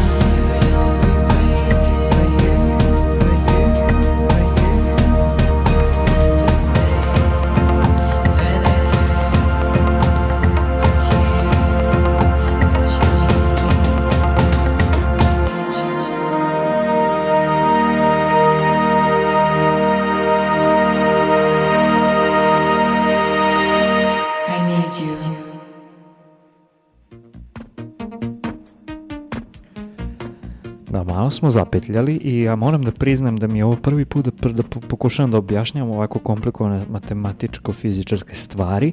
Moram da poradim na tome, a stvarno jeste nezgodno, a mislim da je važno i nadam se da smo uspeli, pa bih volio i da čujem a, od vas koliko smo možda zapetljali i šta smo možda mogli bolje, tako da eto prostora za neku vrstu feedbacka, a, a mi nastavljamo dalje. I sad možemo da pređemo zapravo na ove konkretne stvari vezane za uh, električna pražnjenja, jer smo dali neku bazu za priču o tome uh, i posebno električna pražnjenja u atmosferama, jer kad pričamo o Miller-Jurijevom eksperimentu, on je napravljen sa motivacijom da pokaže kako uh, je o, iz neorganske materije nastala neka organska materija i ovo sve što smo pominjali je a, da je zapravo potrebno bio neki izvor energije koji će da disusuje sve te ovaj, a, molekule I to je ono što se dešava zapravo u mnogim atmosferama planeta, satelita i tako dalje i između ostalog i na primordijalnoj zemlji. A to u pitanju su razne vrste električnih pražnjenja od munja, ne znam, sprajtova i tako dalje i to je ono čime se e, čime si se ti Saša dosta bavio. E, pa ajde da onda pričamo malo o tome, možda ne moramo toliko detaljno ovaj, sa, sa, sa tom klasifikacijom i tako dalje, zato bih vas eto uputio da poslušate Jovaninu e, emisiju, odnosno emisiju Eureka, gde ste pričali malo detaljnije o tome, ali to nam treba da bismo prešli na ove druge stvari. Ove, ovaj, pa da, električne munje su o, jako zanimljive zato što ovaj, električne munje zapravo su prirodni fenomen koji nije ograničen, kao što si ti rekao, samo na atmosferu naše planete. Električne munje su detektovane i u atmosferama uh, Jupitera, Saturna, Urana, Neptuna. Ove, ovaj, I radi se zapravo o jednom uh, visokostrujnom električnom praženju, tranzijentnom fenomenu koji ima ovaj, posledice ovaj, eh, električnih munja na kompletnu uh, planetu. Uh mhm. -huh. ovaj, uh, električne munje su zapravo mogli da budu izvori uh, ovaj, da obezbede energiju za prebiotsku hemiju u, ovaj, u atmosferi primordijalne zemlje. Ovaj, samo proučavanje električnih munja je veoma važno zato što se zapravo ovaj, na osnovu ovih proučavanja može više reći o atmosferskom elektricitetu, mm -hmm. o dinamici oblaka i meteoroloških procesa koji se odigravaju u mikrofizici, dakle oblaka i procesa koji ovaj, vode ka nastanku električnih munja, dakle počevši od nastanka lavina elektrona njihove tranzicije u strimerska praženja, pa onda se strimerska praženja transformišu u liderska praženja i na kraju imamo električnu munju.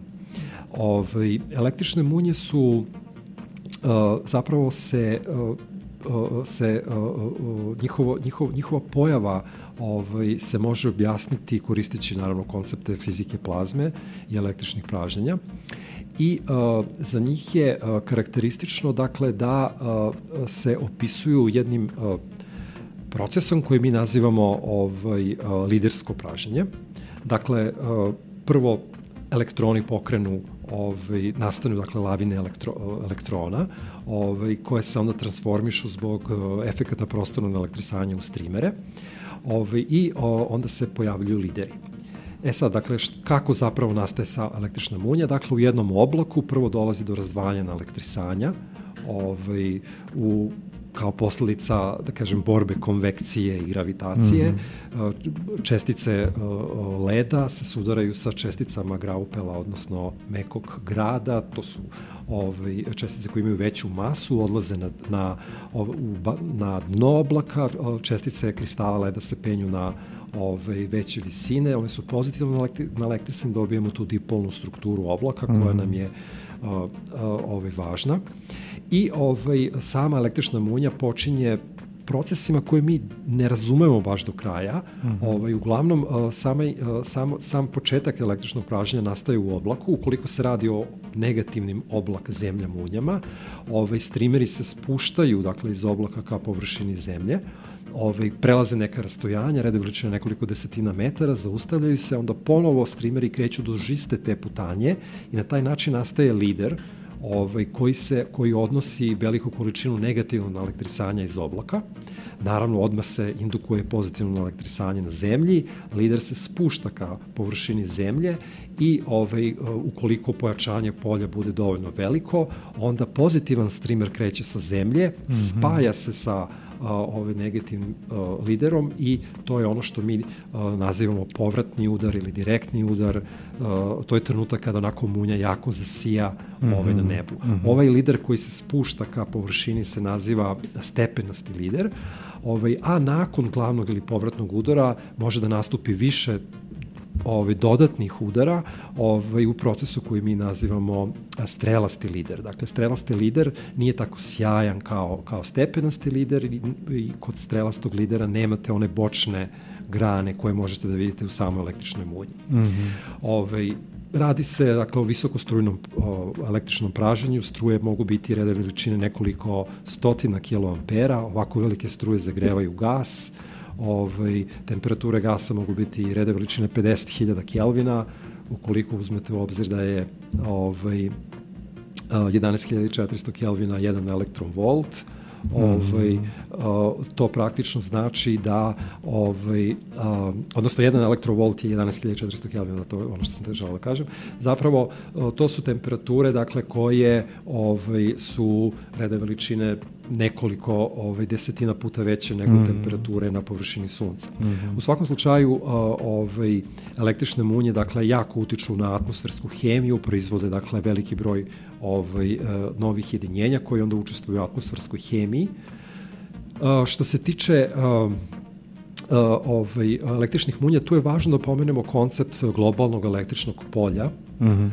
ovaj, koje koje je zapravo važan koncept u, kada govorimo o planetarnom elektricitetu uh, i koji možemo da razdvojimo, da kažemo, na dve na dva načina. Ovaj, govorimo o globalnom električnom kolu bez električnih munja u takozvanom lepom vremenu i globalno električno polje kada postoje električne munje. Zapravo električne munje su generatori na elektrisanih čestica mm, u tom globalnom mm, električnom mm, kolu koje je predložio CTR Wilson ovaj, jedan od članova Cavendish laboratorije koju smo ovaj, pominjali na početku našeg razgovora. Da, i on je dobio Nobelovu nagradu za zapravo... Tako je.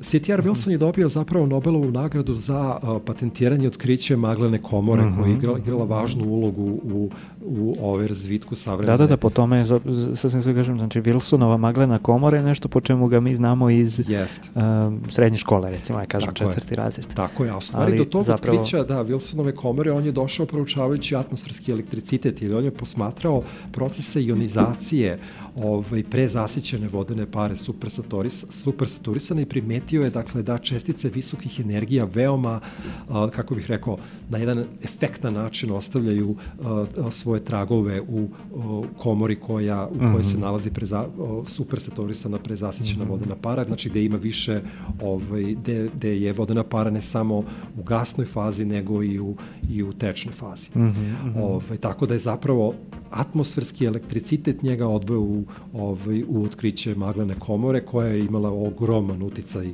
na razvoj savremene fizike. Karl Anderson je otkrio eksperimentalnim putem zapravo potvrdio postojanje pozitrona 1932. Mm. godine. 1936. Karl Anderson je od, od, otkrio kosmičke ove mione proučavajući kosmičko zračenje čitav niz, veliki broj čestica zapravo ovaj, je otkriven ovaj, koristeći, kada su fizičari mm, koristili, mm, dakle, mm. ovaj, Wilsonovu komu. Da, da, da ne pričamo o implikacijama na, na astrofiziku, astronomiju, zapravo sa otkrićem kosmičke izraka i tako, tako dalje. Je, tako je, tako je. Da.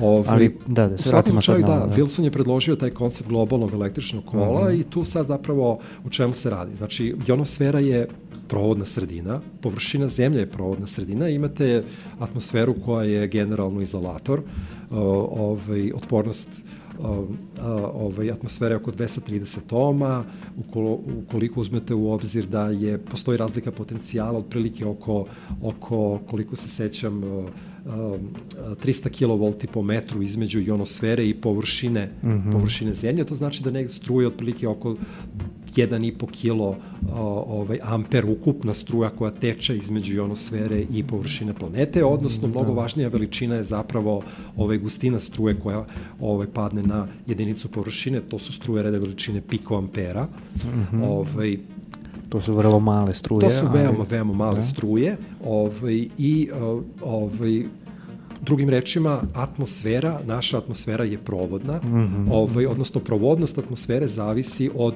procesa ionizacije koji mogu da budu posledica ovaj, kosmičkog zračenja, prirodne radioaktivnosti, mm -hmm. solarnih UV fotona, ovaj, mada zbog ozonskog omotača ovaj, fotoionizacija nije tako efikasan mm -hmm, proces. Mm -hmm. Uglavnom, ovaj, provodnost naše atmosfere je pre svega određena provodnošću jona, atmosferskih jona, pošto mm -hmm. elektroni vrlo brzo su zahvaćeni, budu zahvaćeni mm -hmm. molekulima kiselnika ili jednostavno budu zahvaćeni atmosferskim aerosolima koji imaju veliku masu, pa onda ne doprinose mobilnosti, ovaj, odnosno provodnosti uh, naše atmosfere.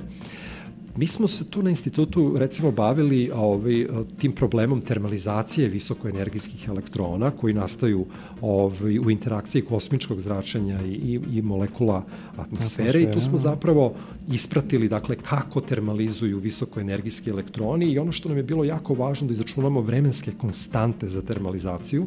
A, samo da objasnimo šta je termalizacija. Mislim, dakle, da... termalizacija je proces u kome ele, visokoenergijski elektroni u velikom broju elastičnih i neelastičnih sudara i nekih drugih sudara ovaj, gube svoju energiju i ovaj, kako bih rekao, gube energiju sve dok ne dostignu taj termalni limit ovaj, koji zavisi od temperature. Mm. Dakle, na temperaturi od 293 Kelvina ta, ta, ta energija je 0, koliko već, 3,5 KT, mm, dakle da. 0,038 Dobro, nije sad toliko važno. Da, da. Volti.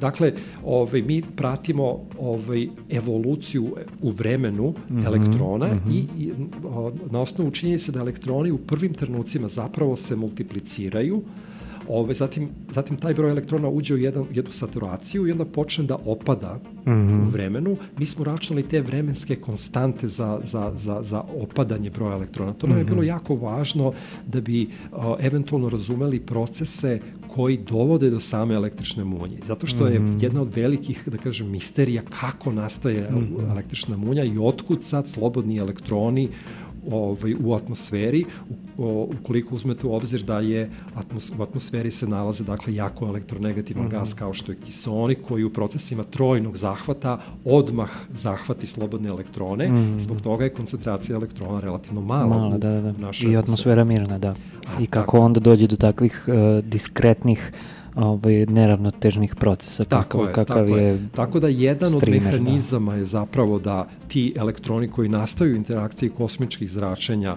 o, kosmičkog zračenja i Sam. ovaj, mm -hmm. mo, molekula atmosferskog gasa, da oni učestvuju zapravo u pokretanju lavinskih procesa, u procesu koji mi zovemo relativistički proboj, ovaj, mm -hmm. koji zapravo ne znači ništa drugo nego da u tom procesu učestvuju ener, elektroni visokih energija koji onda vrlo lako mogu da pokrenu ovaj, lavinske procese i ovaj, nastanak strimerskih i liderskih pražnjenja. Mm -hmm i kad nastanu streamerska i liderska pražnjenja, odnosno kad nastanu munje, bilo da su oblak zemlja, oblak, oblak i tako dalje, e, dešava se, e, dešavaju se zapravo razni procesi, ne moramo da ulazimo u to, da. znači dešava se, rek, pomenuo si samo da se dešava zapravo da, da nastaju uh, razne čestice, razni molekuli hemijski, to, to menja hemiju atmosfere, nastaje antimaterija, nastaju brzine neutroni, svašta nešto. Yes. Ovaj, to ne moramo sad previše da ulazimo u to uh, detaljnije, ali uh, kad je u pitanju, znači taj proces, mi ga znamo na zemlji i dosta smo se bavili time, ali takvi procesi postoje i na drugim u na drugim telima sunčevog sistema i verovatno ne samo u sunčevom sistemu, nego evo čuli smo i večeras ovaj na tribini da će zapravo sve više i više ekstrasolarnih planeta sa atmosferama da bude otkriveno, pa ćemo imati zapravo mnogo veći pool tela na kojima možemo da se bavimo ovim istraživanjima.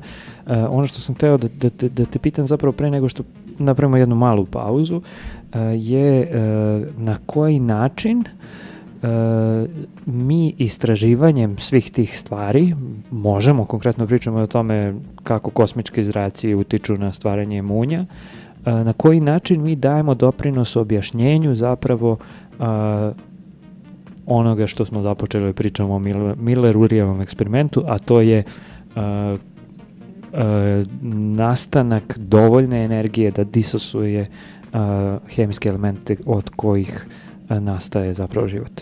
Hemijske molekule. Da. Uh, Dugo, dugačko sam postavio pitanje, kapiram da, da, da razumeš okay, tako se... Ajde, ovaj, pokušat ću da, da, da odgovorim na uh, tvoje pitanje. Dakle, kao što smo rekli, znači električne munje su zapravo obezbeđuju dakle energiju da bi se pokrenula između ostalog i prebiotski ovaj uh, uh, procesi u primordijalnoj atmosferi. Mi smo nedavno recimo ovaj, poslali baš jedan rad u Geophysical Research Letters gde smo se bavili uh, ovaj, uh, sim, dakle, dakle, razvili smo modele Particle and Cell Monte Carlo simulacije i fluidne modele u kojima smo proučavali nastanak streamerskih praženja u raznim varijantama primordijalne atmosfere. Mm -hmm. Dakle, jako redukujuća, slabo redukujuća ovaj, atmosfera i onda smo ovaj, zapravo analizirali upravo nastanak ovih električnih uh, praženja, pre svega streamera, ovaj, uh, u kontekstu uh, prebiotske mm. uh, hemije. Dakle, nama je cilj bio da razumemo kako nastaju elektronske lavine, kolika su polja potrebna za tranziciju elektronskih lavina u streamerska praženja, kako izgledaju raspodele koncentracije elektrona, na primjer, uh, raspodele električnog polja u streamerskim praženjima u različitim atmosferama i, i zapravo analizom ovih ovaj, pojava i veličina, mi zapravo možemo da izvedemo neke zaključke gde će biti efikasnija prebiotska hemija. Da li će to mhm. biti u a, primordijalnoj atmosferi koja je imala više, koja je bila jako redukujuća ili slabo redukujuća, mm, mm. ili je to, ne znam, atmosfera u kojoj, je, u kojoj imamo kiseonik ili nekakva uh, treća ovaj, atmosfera. Mm. Dakle, zapravo to su na izvesan način parametarske studije gde mi proučavamo sve te kako mikrofizički procesi dakle određuju ovaj osobine samog makroskopskog pražnja i onda pokušavamo da razumemo ovaj sve to sve te procese u kontekstu ovaj prebiotske hemije. A, ispostavilo se, dakle, u ovim našim istraživanjima da je u jako redukujućoj atmosferi ovaj, primordijalne zemlje mnogo lakše napraviti električno praženje nego kad imate ovaj, slabo redukujuću atmosferu, da imate mnogo više molekula CO2, mm -hmm. ovaj, iz prostog razloga što mi kažemo da je CO2 ovaj molek, gas, spor gas, dakle brzine drifta elektrona, mobilnosti elektrona su mnogo manje nego odnosno neke druge gasove, koeficijenti ionizacije su manji. Ovaj, tako da, generalno, dakle, Kad ima dosta smo... kiselnika, zapravo, onda je mnogo lakše napraviti monje. To je, Jeste, da, to je iznenađujući uh mhm. -huh. rezultat, uh, pre svega imajući u vidu da je, ovaj, da je, da je kiselnik jako elektronegativan element i on prosto zgrabi svaki elektron koji mm. se nađe u njegovoj blizini, pogotovo na višem pritisku, jer su tada preseci za takozvani trojni zahvat mm -hmm. jako, jako veliki. veliki da. Tako da, ovaj, ali opet s druge strane ispostavilo se da ovaj, brzina propagacije streamera, zatim maksimalne vrednosti električnih polja na samim streamerskim frontovima su mnogo veće ovaj, u, u slabo redukujući. U, u ovaj, slabo, mm -hmm. u, ovaj, ne, odnosno u, jako, u, u jako, jako redukujućoj da, da, da. atmosferi, a još veće aha, u aha. atmosferi moderne, mi kažemo moderne zemlje, dakle u atmosferi koje dominira azot i kiseonik. Aha. Ovaj, odnosno, uh, u, uh, uh, u ranoj zemljinoj atmosferi je bilo zapravo mnogo teže napraviti munje, pa se, ako sad, stvarno sad onako laički pokušavam da napravim ono timeline zemljene atmosfere, znači na samom početku kad nije bilo toliko kiselnika, kiselnik je tek kasnije nastao u velikim količinama, uh, bilo je manje, bilo, trebalo da bude manje streamera zapravo a onda kada se uh, pojavio kiseonik, kada je atmosfera postala re, malo više redukujuća, jako redukujuća. Ne, oksidujuća. Ok, oksidujuća. Da. da, obrnuto, da, da, da. A, onda je zapravo trebalo da Pa, da, to je sad, da, to je sad malo ovaj, igra. Pokušam- dakle, pokušam da ovaj, stavim sa timelineom, Da, da, da, ovaj, evo sad tu da. recimo zapravo možemo da koristimo ovaj, tehniku rojeva na elektrisne čestice. Mi zapravo izračunamo transportne koeficijente za sve te smeše.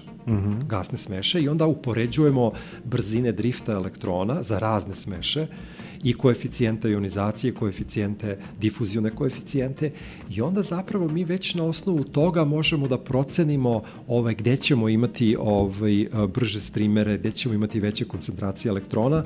Naravno, treba biti oprezan jer i drugi procesi doprinose ovaj, brzini propagacije, na primjer fotoionizacija, mm -hmm. ovaj, Da, da, da, pozadinska ionizacija koja, koja mora biti uzeta u obzir. Tako da tu postoji sad čitav niz procesa koje morate da uzmete u obzir da biste mogli da dođete do nekog zaključka tipa ok, električne munje je bilo lakše napraviti mm -hmm. u o, ovaj redukujućoj, jako redukujućoj atmosferi o, o, u odnosu na, ne znam, slabo Da, da, da, da, da. redukujuću atmosferu. Ali Previše generalno, sam kažem, banalizovao, da, okej. Da, da, ali generalno kažem da, to je jedna, jedna, jedna kažem, disciplina, ovaj, ova, ova cela priča oko streamera i oko modelovanja ovaj, uh, Nastanka. nastanka streamerskih mhm. pražnja, to je disciplina u kojoj vi morate da upotrebite pun kapacitet i atomske i molekularne fizike i fizike plazme, to morate da analizirate sa veoma sofisticiranim modelima, particle in cell, Monte Carlo simulacijama, da biste mogli da simulirate recimo branching, odnosno bifurkaciju, odnosno cepanje streamera na, ovaj, na, na kako bih rekao, nove streamere, ili je to jedan stohastički proces, ovaj, koji opet može da nam da neke odgovore u kontekstu prebiotske hemije, u smislu da ukoliko ste imali električne munje i streamere koji su se odvijale na jedan hajde da kažemo način gde se ništa nije događalo, gde ste imali veoma, veoma nisku frekvenciju za pojavu električnih munja, onda očigledno da je prebiotska hemija verovatno u takvim sistemima bila mnogo o, o, ovaj, otežana mm -hmm. ovaj, u odnosu na sisteme gde vi imate električne munje koje se stalno pojavljuju, koje generišu veliku količinu elektrisanja, gde, gde, gde dakle imate jednu dinamičnu atmosferu ovaj, u kojoj možete da očekujete da prebiotska hemija bude mnogo, mnogo efikasnija. Uh, mala pauza. Sisters of Mercy i Black Planet. the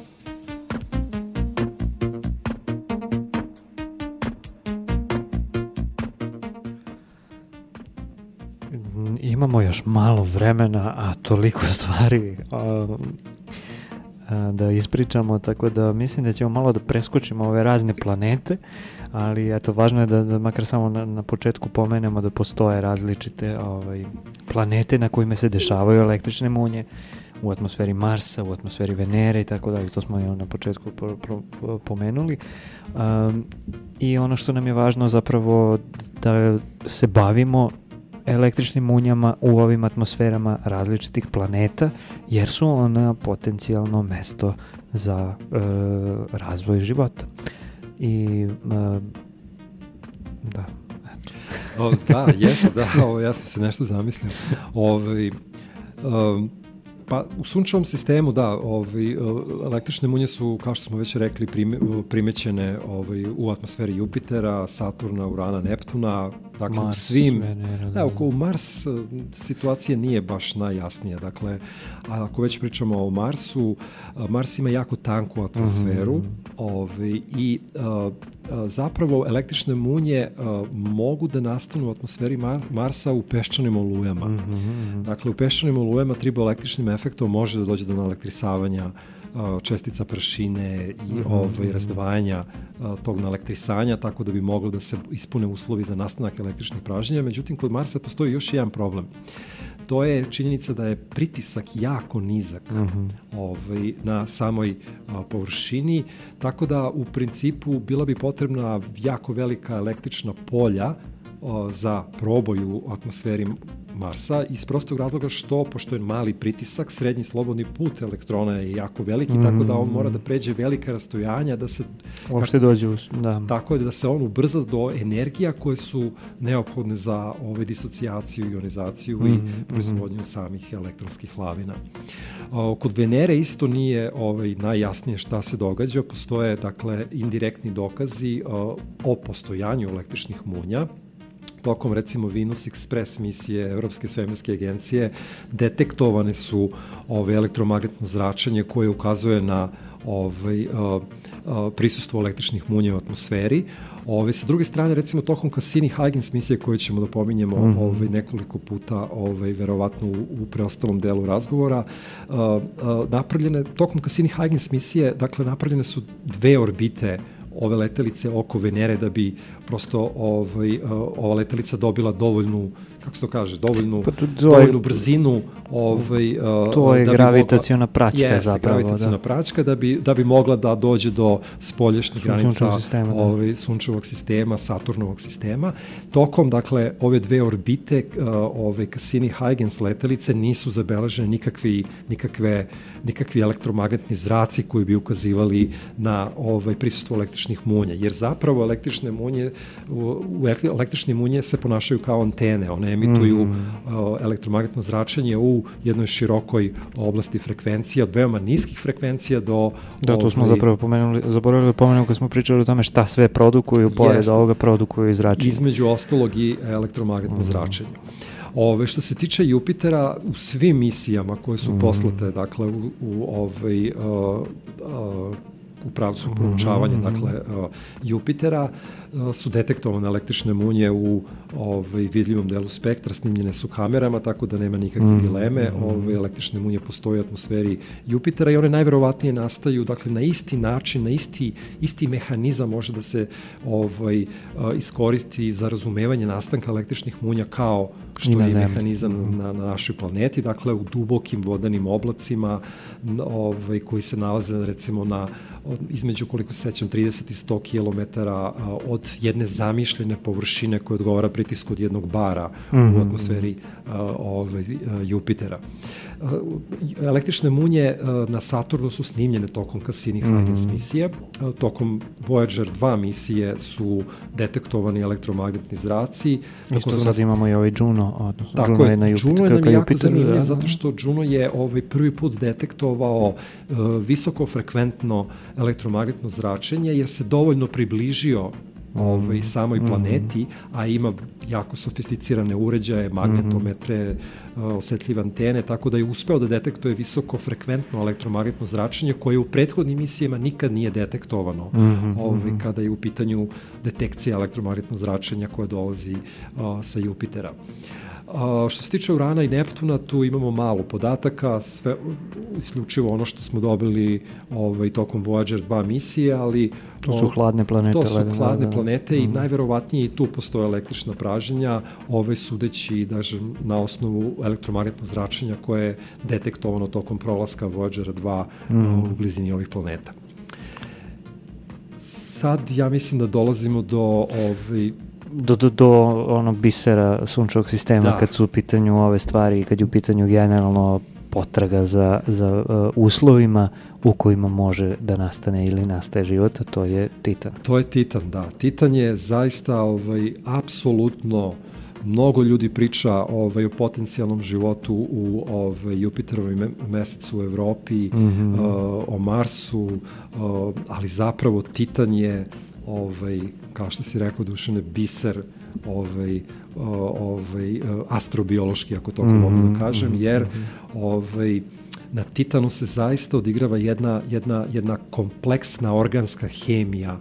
Ovaj, zapravo Titanova atmosfera je, kako bih rekao, mesto u poznatom univerzumu gde imate najkomplikovaniju organsku hemiju, mnogo mm. komplikovaniju ovaj čak možda i u odnosu na ovaj našu planetu u smislu da u smislu da naravno nemamo dokaze o postojanju života, ali sama sinteza organskih molekula je veoma dinamičan proces u atmosferi uh, Titana. Mm -hmm. uh, Titan je otkrio Christian Huygens u 17. veku, ime mu je dao uh, John Herschel, sin Williama Herschela. Mm -hmm. Čovjek je, William Herschel je otkrio uran krajem, koliko se sećam, 18. veka. Mm -hmm. John Herschel je zapravo predložio ime Titan, Uh, zapravo on je predložio imena svim Saturnovim satelitima mm -hmm. kojih ima Koji 82 po titanima koji su, mm -hmm. dakle, mitska bića u grčkoj mitologiji. Ne, ne, nisu im 80 i nešto, oni su kasnije otkrivani, nego ovim najvećim, da.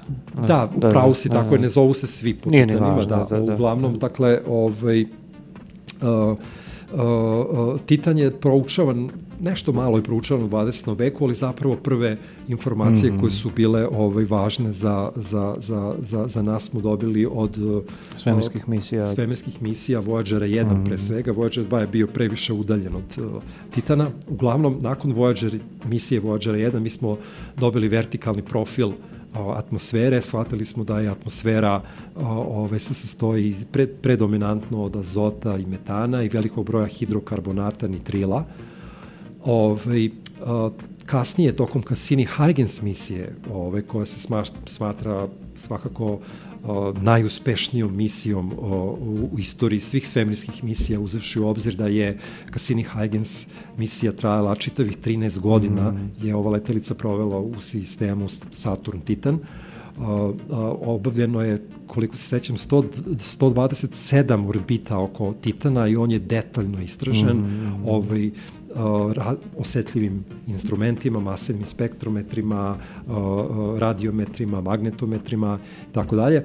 Dakle, tokom Cassini-Huygens misije mi smo zapravo naučili da je Titan jedan objekat u kome se odigrava kompleksna organska hemija ovaj, u atmosferi, da Titan posjeduje globalni okean, baš kao i Evropa i Ganymed uh, i Enceladus, -hmm. ovaj, ili Enceladus, kako, zavisi neko, kako, ko, ovaj, Neko kaže Encelad, nije ni neko važno, Kaže da. Enceladus, da nije bitno.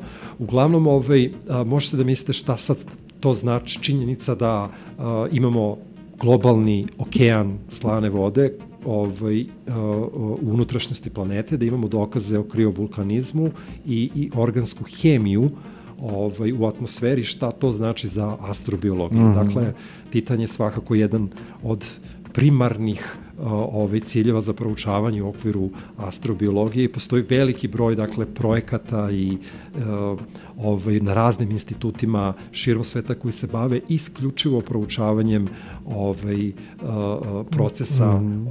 ovaj organske hemije u atmosferi Titana dakle kako nastaju ovaj komplikovani molekuli i ovaj da li je uopšte moguć potencijalni život metanogena u atmosferi Titana, mm. Odnosno na površini Titana. Na površini, da, da, da. Da.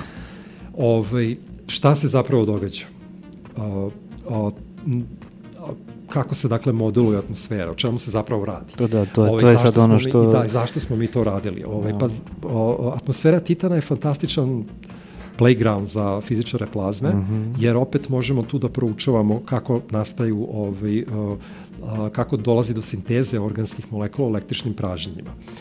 U principu, dakle, ovaj, solarni UV fotoni i elektroni iz Saturnove magnetosfere veoma efikasno disusuju u gornjim slojevima atmosfere molekul mm -hmm. metana koji, a onda novo nastale ovaj, hemijske, hemijski ovaj, radikali, neutralni, naelektrisani, ovaj, se međusobno rekombinuju, stvarajući nova jedinjenja ovaj, sve u skladu sa minimum gipsove slobodne energije, maksimalne entropije. I Tako, to, su, uh, to su, šta nastaje tada? Nastaju, dakle, složeni, komplikovaniji hidrokarbonati, uh -huh. acetilen, etilen, etan, uh -huh. vodonik cijanid. I to je sve u višim slojevima To je sve u višim slojevima. Procesi UV zračenja i... Uh, Tako je. I, i ovaj, elektrona. Visokone električnih čestica koje potiču koja magnetosfera zapravo usmerava na... Jeste, onda kako idete na, na manje nadmorske visine, dakle, ovaj, imate atmosferske aerosole koje koji onda ovaj mogu da uh, ovaj uh, zakomplikuju da kažem dovoljno celu atmosfersku hemiju. Na primjer oni reflektuju sunčevo zračenje. Mm. tako da imate ovaj jedan uh, blagi efekat staklene bašte Mm -hmm. ovaj, uh, koji zapravo uh, kao posledica svega toga imate da je temperatura na Titanu veoma niska, one su rede veličine 90 mm -hmm. Kelvina. U svakom slučaju, zašto smo mi sad sve, ovaj, zašto smo modelovali streamere i električna pražnja u atmosferi Titana? Pa iz prostog razloga što ovaj, pokazalo se da ovi fotohemijski modeli koji se koristi za modelovanje atmosfere Titana ne mogu da objasne vertikalni profil atmosfere koje atmosfere. Da, da. Prosto neophodno je da imate nekakvo električno pražnje mm. koje će da proizvede na elektrisane čestice koje odnosno mm -hmm. odnosno ove hemijska jedinjenja mm -hmm. hidrokarbonate, acetilen, etilen, pre svega i vodonik cijanid. Mm -hmm. ove, jer su njihove koncentracije u atmosferi titana se ne mogu objasniti bez prisustva neke vrste električnog pražnja. To mm -hmm. ne moraju da budu električne munje, mogu da budu na primjer strimerska pražnja u metanskim oblacima ovaj, na Titanu. Mm. Tako da mi smo zapravo na institutu se bavili proučavanjem transporta elektrona u smešama azota, metana i drugih hidrokarbonata, a onda smo te transportne koeficijente koristili za modelovanje strimerskih praženja, da vidimo kolika su zapravo ovaj, polja neophodna za proboj uh, ovaj, u ovakvoj jednoj atmosferi. Konkretno, mm. pretpostavili smo da su metanski oblaci na visini od 20 kil, uh, km, da oni imaju jedan specifičan sastav ovaj, i uh, onda smo na osnovu pretpostavke, odnosno na osnovu modela koji se koristi za modelovanje električnih polja u ovaj, oblačnim sistemima Titana, mi zapravo simulirali električna praženja u Titanu i gledali produkciju ovaj uh, profila profila profila atmosfere. Mm -hmm, dakle, mm -hmm. to je bio to je to je bio dakle naš naš naš osnovni motivacioni faktor. Naravno sve ovo treba staviti u jedan širi kontekst astrobioloških istraživanja, mm -hmm. jer recimo na osnovu a, a, a, konkre, pravilno i, i tačno izračunatih profila mi možemo da donesemo neke zaključke o, o potencijalnom o, o potencijalnom životu metanogena. Na primer, mm -hmm. ovaj Chris McKay Kad kažemo je, metanogeni, to su zapravo uh, oblici života koji produkuju metan, koji Tako da, je, da. tako je, tako je. Dakle metanogeni su zapravo dakle uh, ovaj uh, šta god, bakterije, bakterije koje da proizvode ovaj, metan. Arheje, dakle, koje mm. koriste ovaj, uh, krave. da, da, koje zapravo ovaj, mogu da sintetišu ovaj, uh, kompleksnije molekule mm -hmm. koristeći ove jednostavne mm -hmm. neorganske molekule, ne, ugljen dioksid, vodonik, mm -hmm. ovaj, uh, acetile, na primjer, neke, neke, neke od ovih hidrokarbonata. Izvini, prekinuo sam te, rekao si Kris. Uh...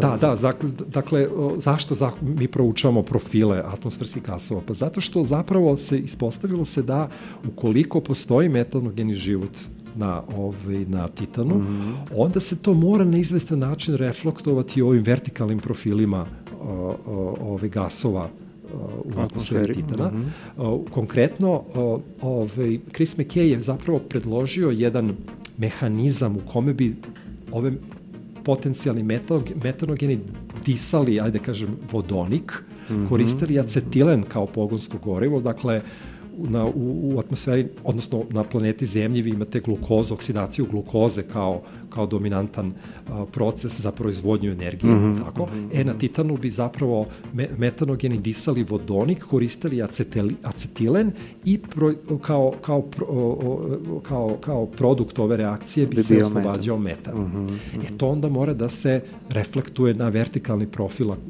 ovaj, mm -hmm, gasova u, -hmm. ovaj, na Titanu i zaista se se u, ovaj, u nekim modelovanjima je primećen uh, ovaj, uh, nedostatak vodonika u samoj blizini uh, površine, površine, mm -hmm. površine titana i veće titana. Da. koncentracije metana.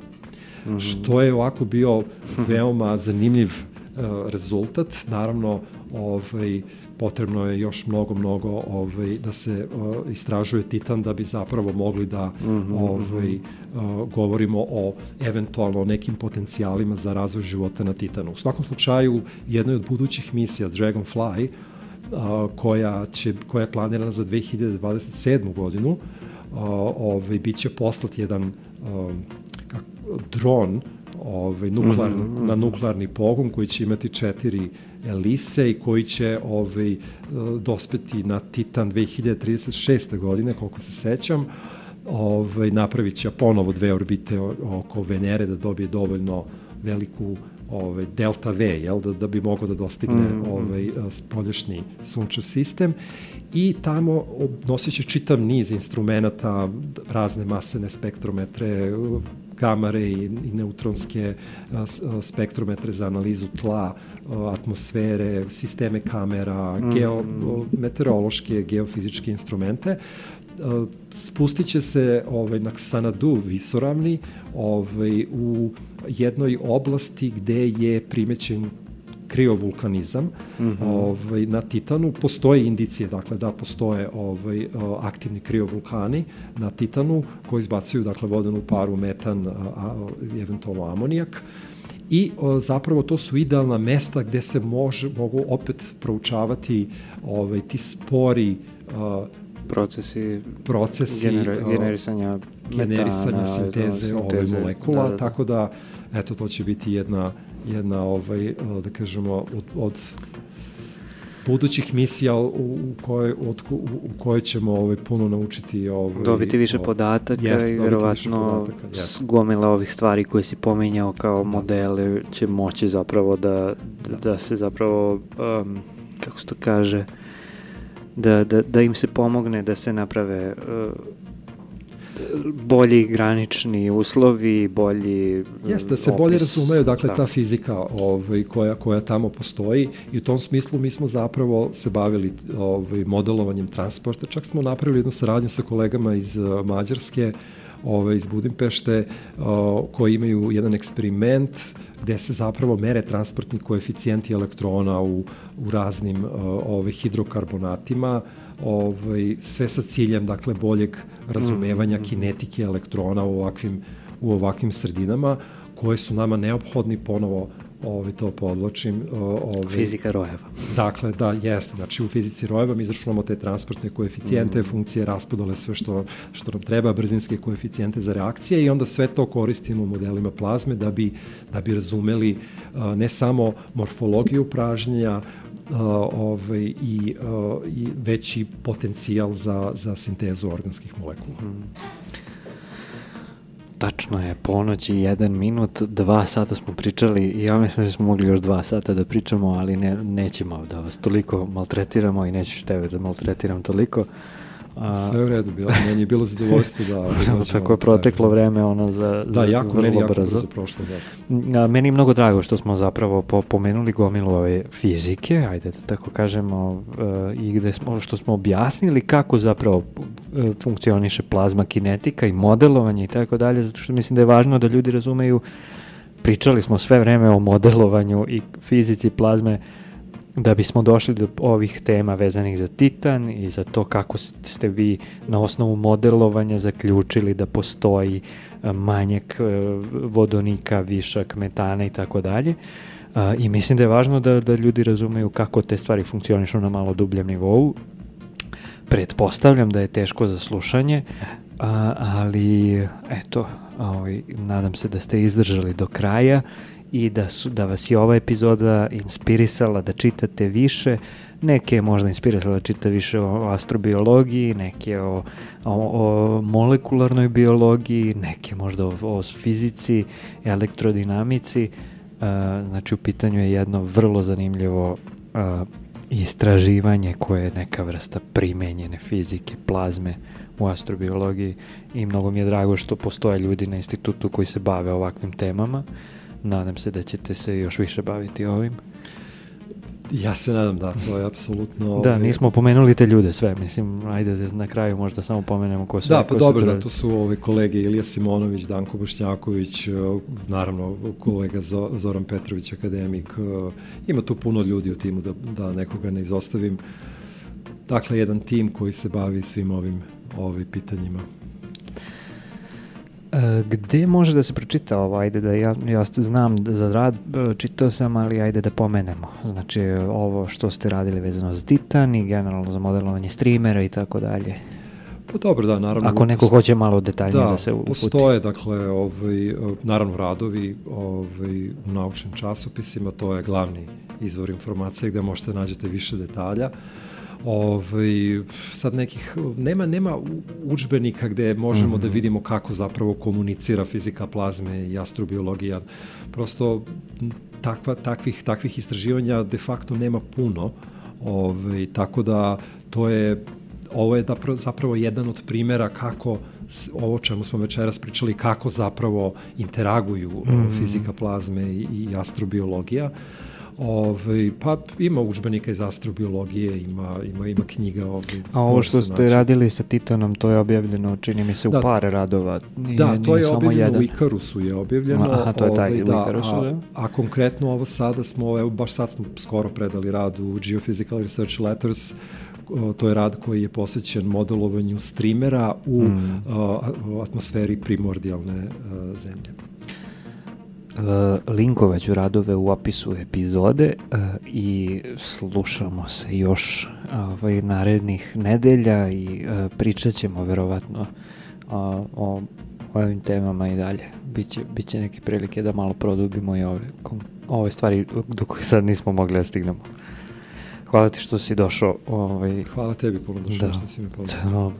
Ovaj, posvetili smo celo, celo večer zapravo Radio Galaksiji danas i slušali smo i tribinu, odnosno um, bila je tribina i sad ova emisija i sad je prošla ponoć i mislim da je dosta.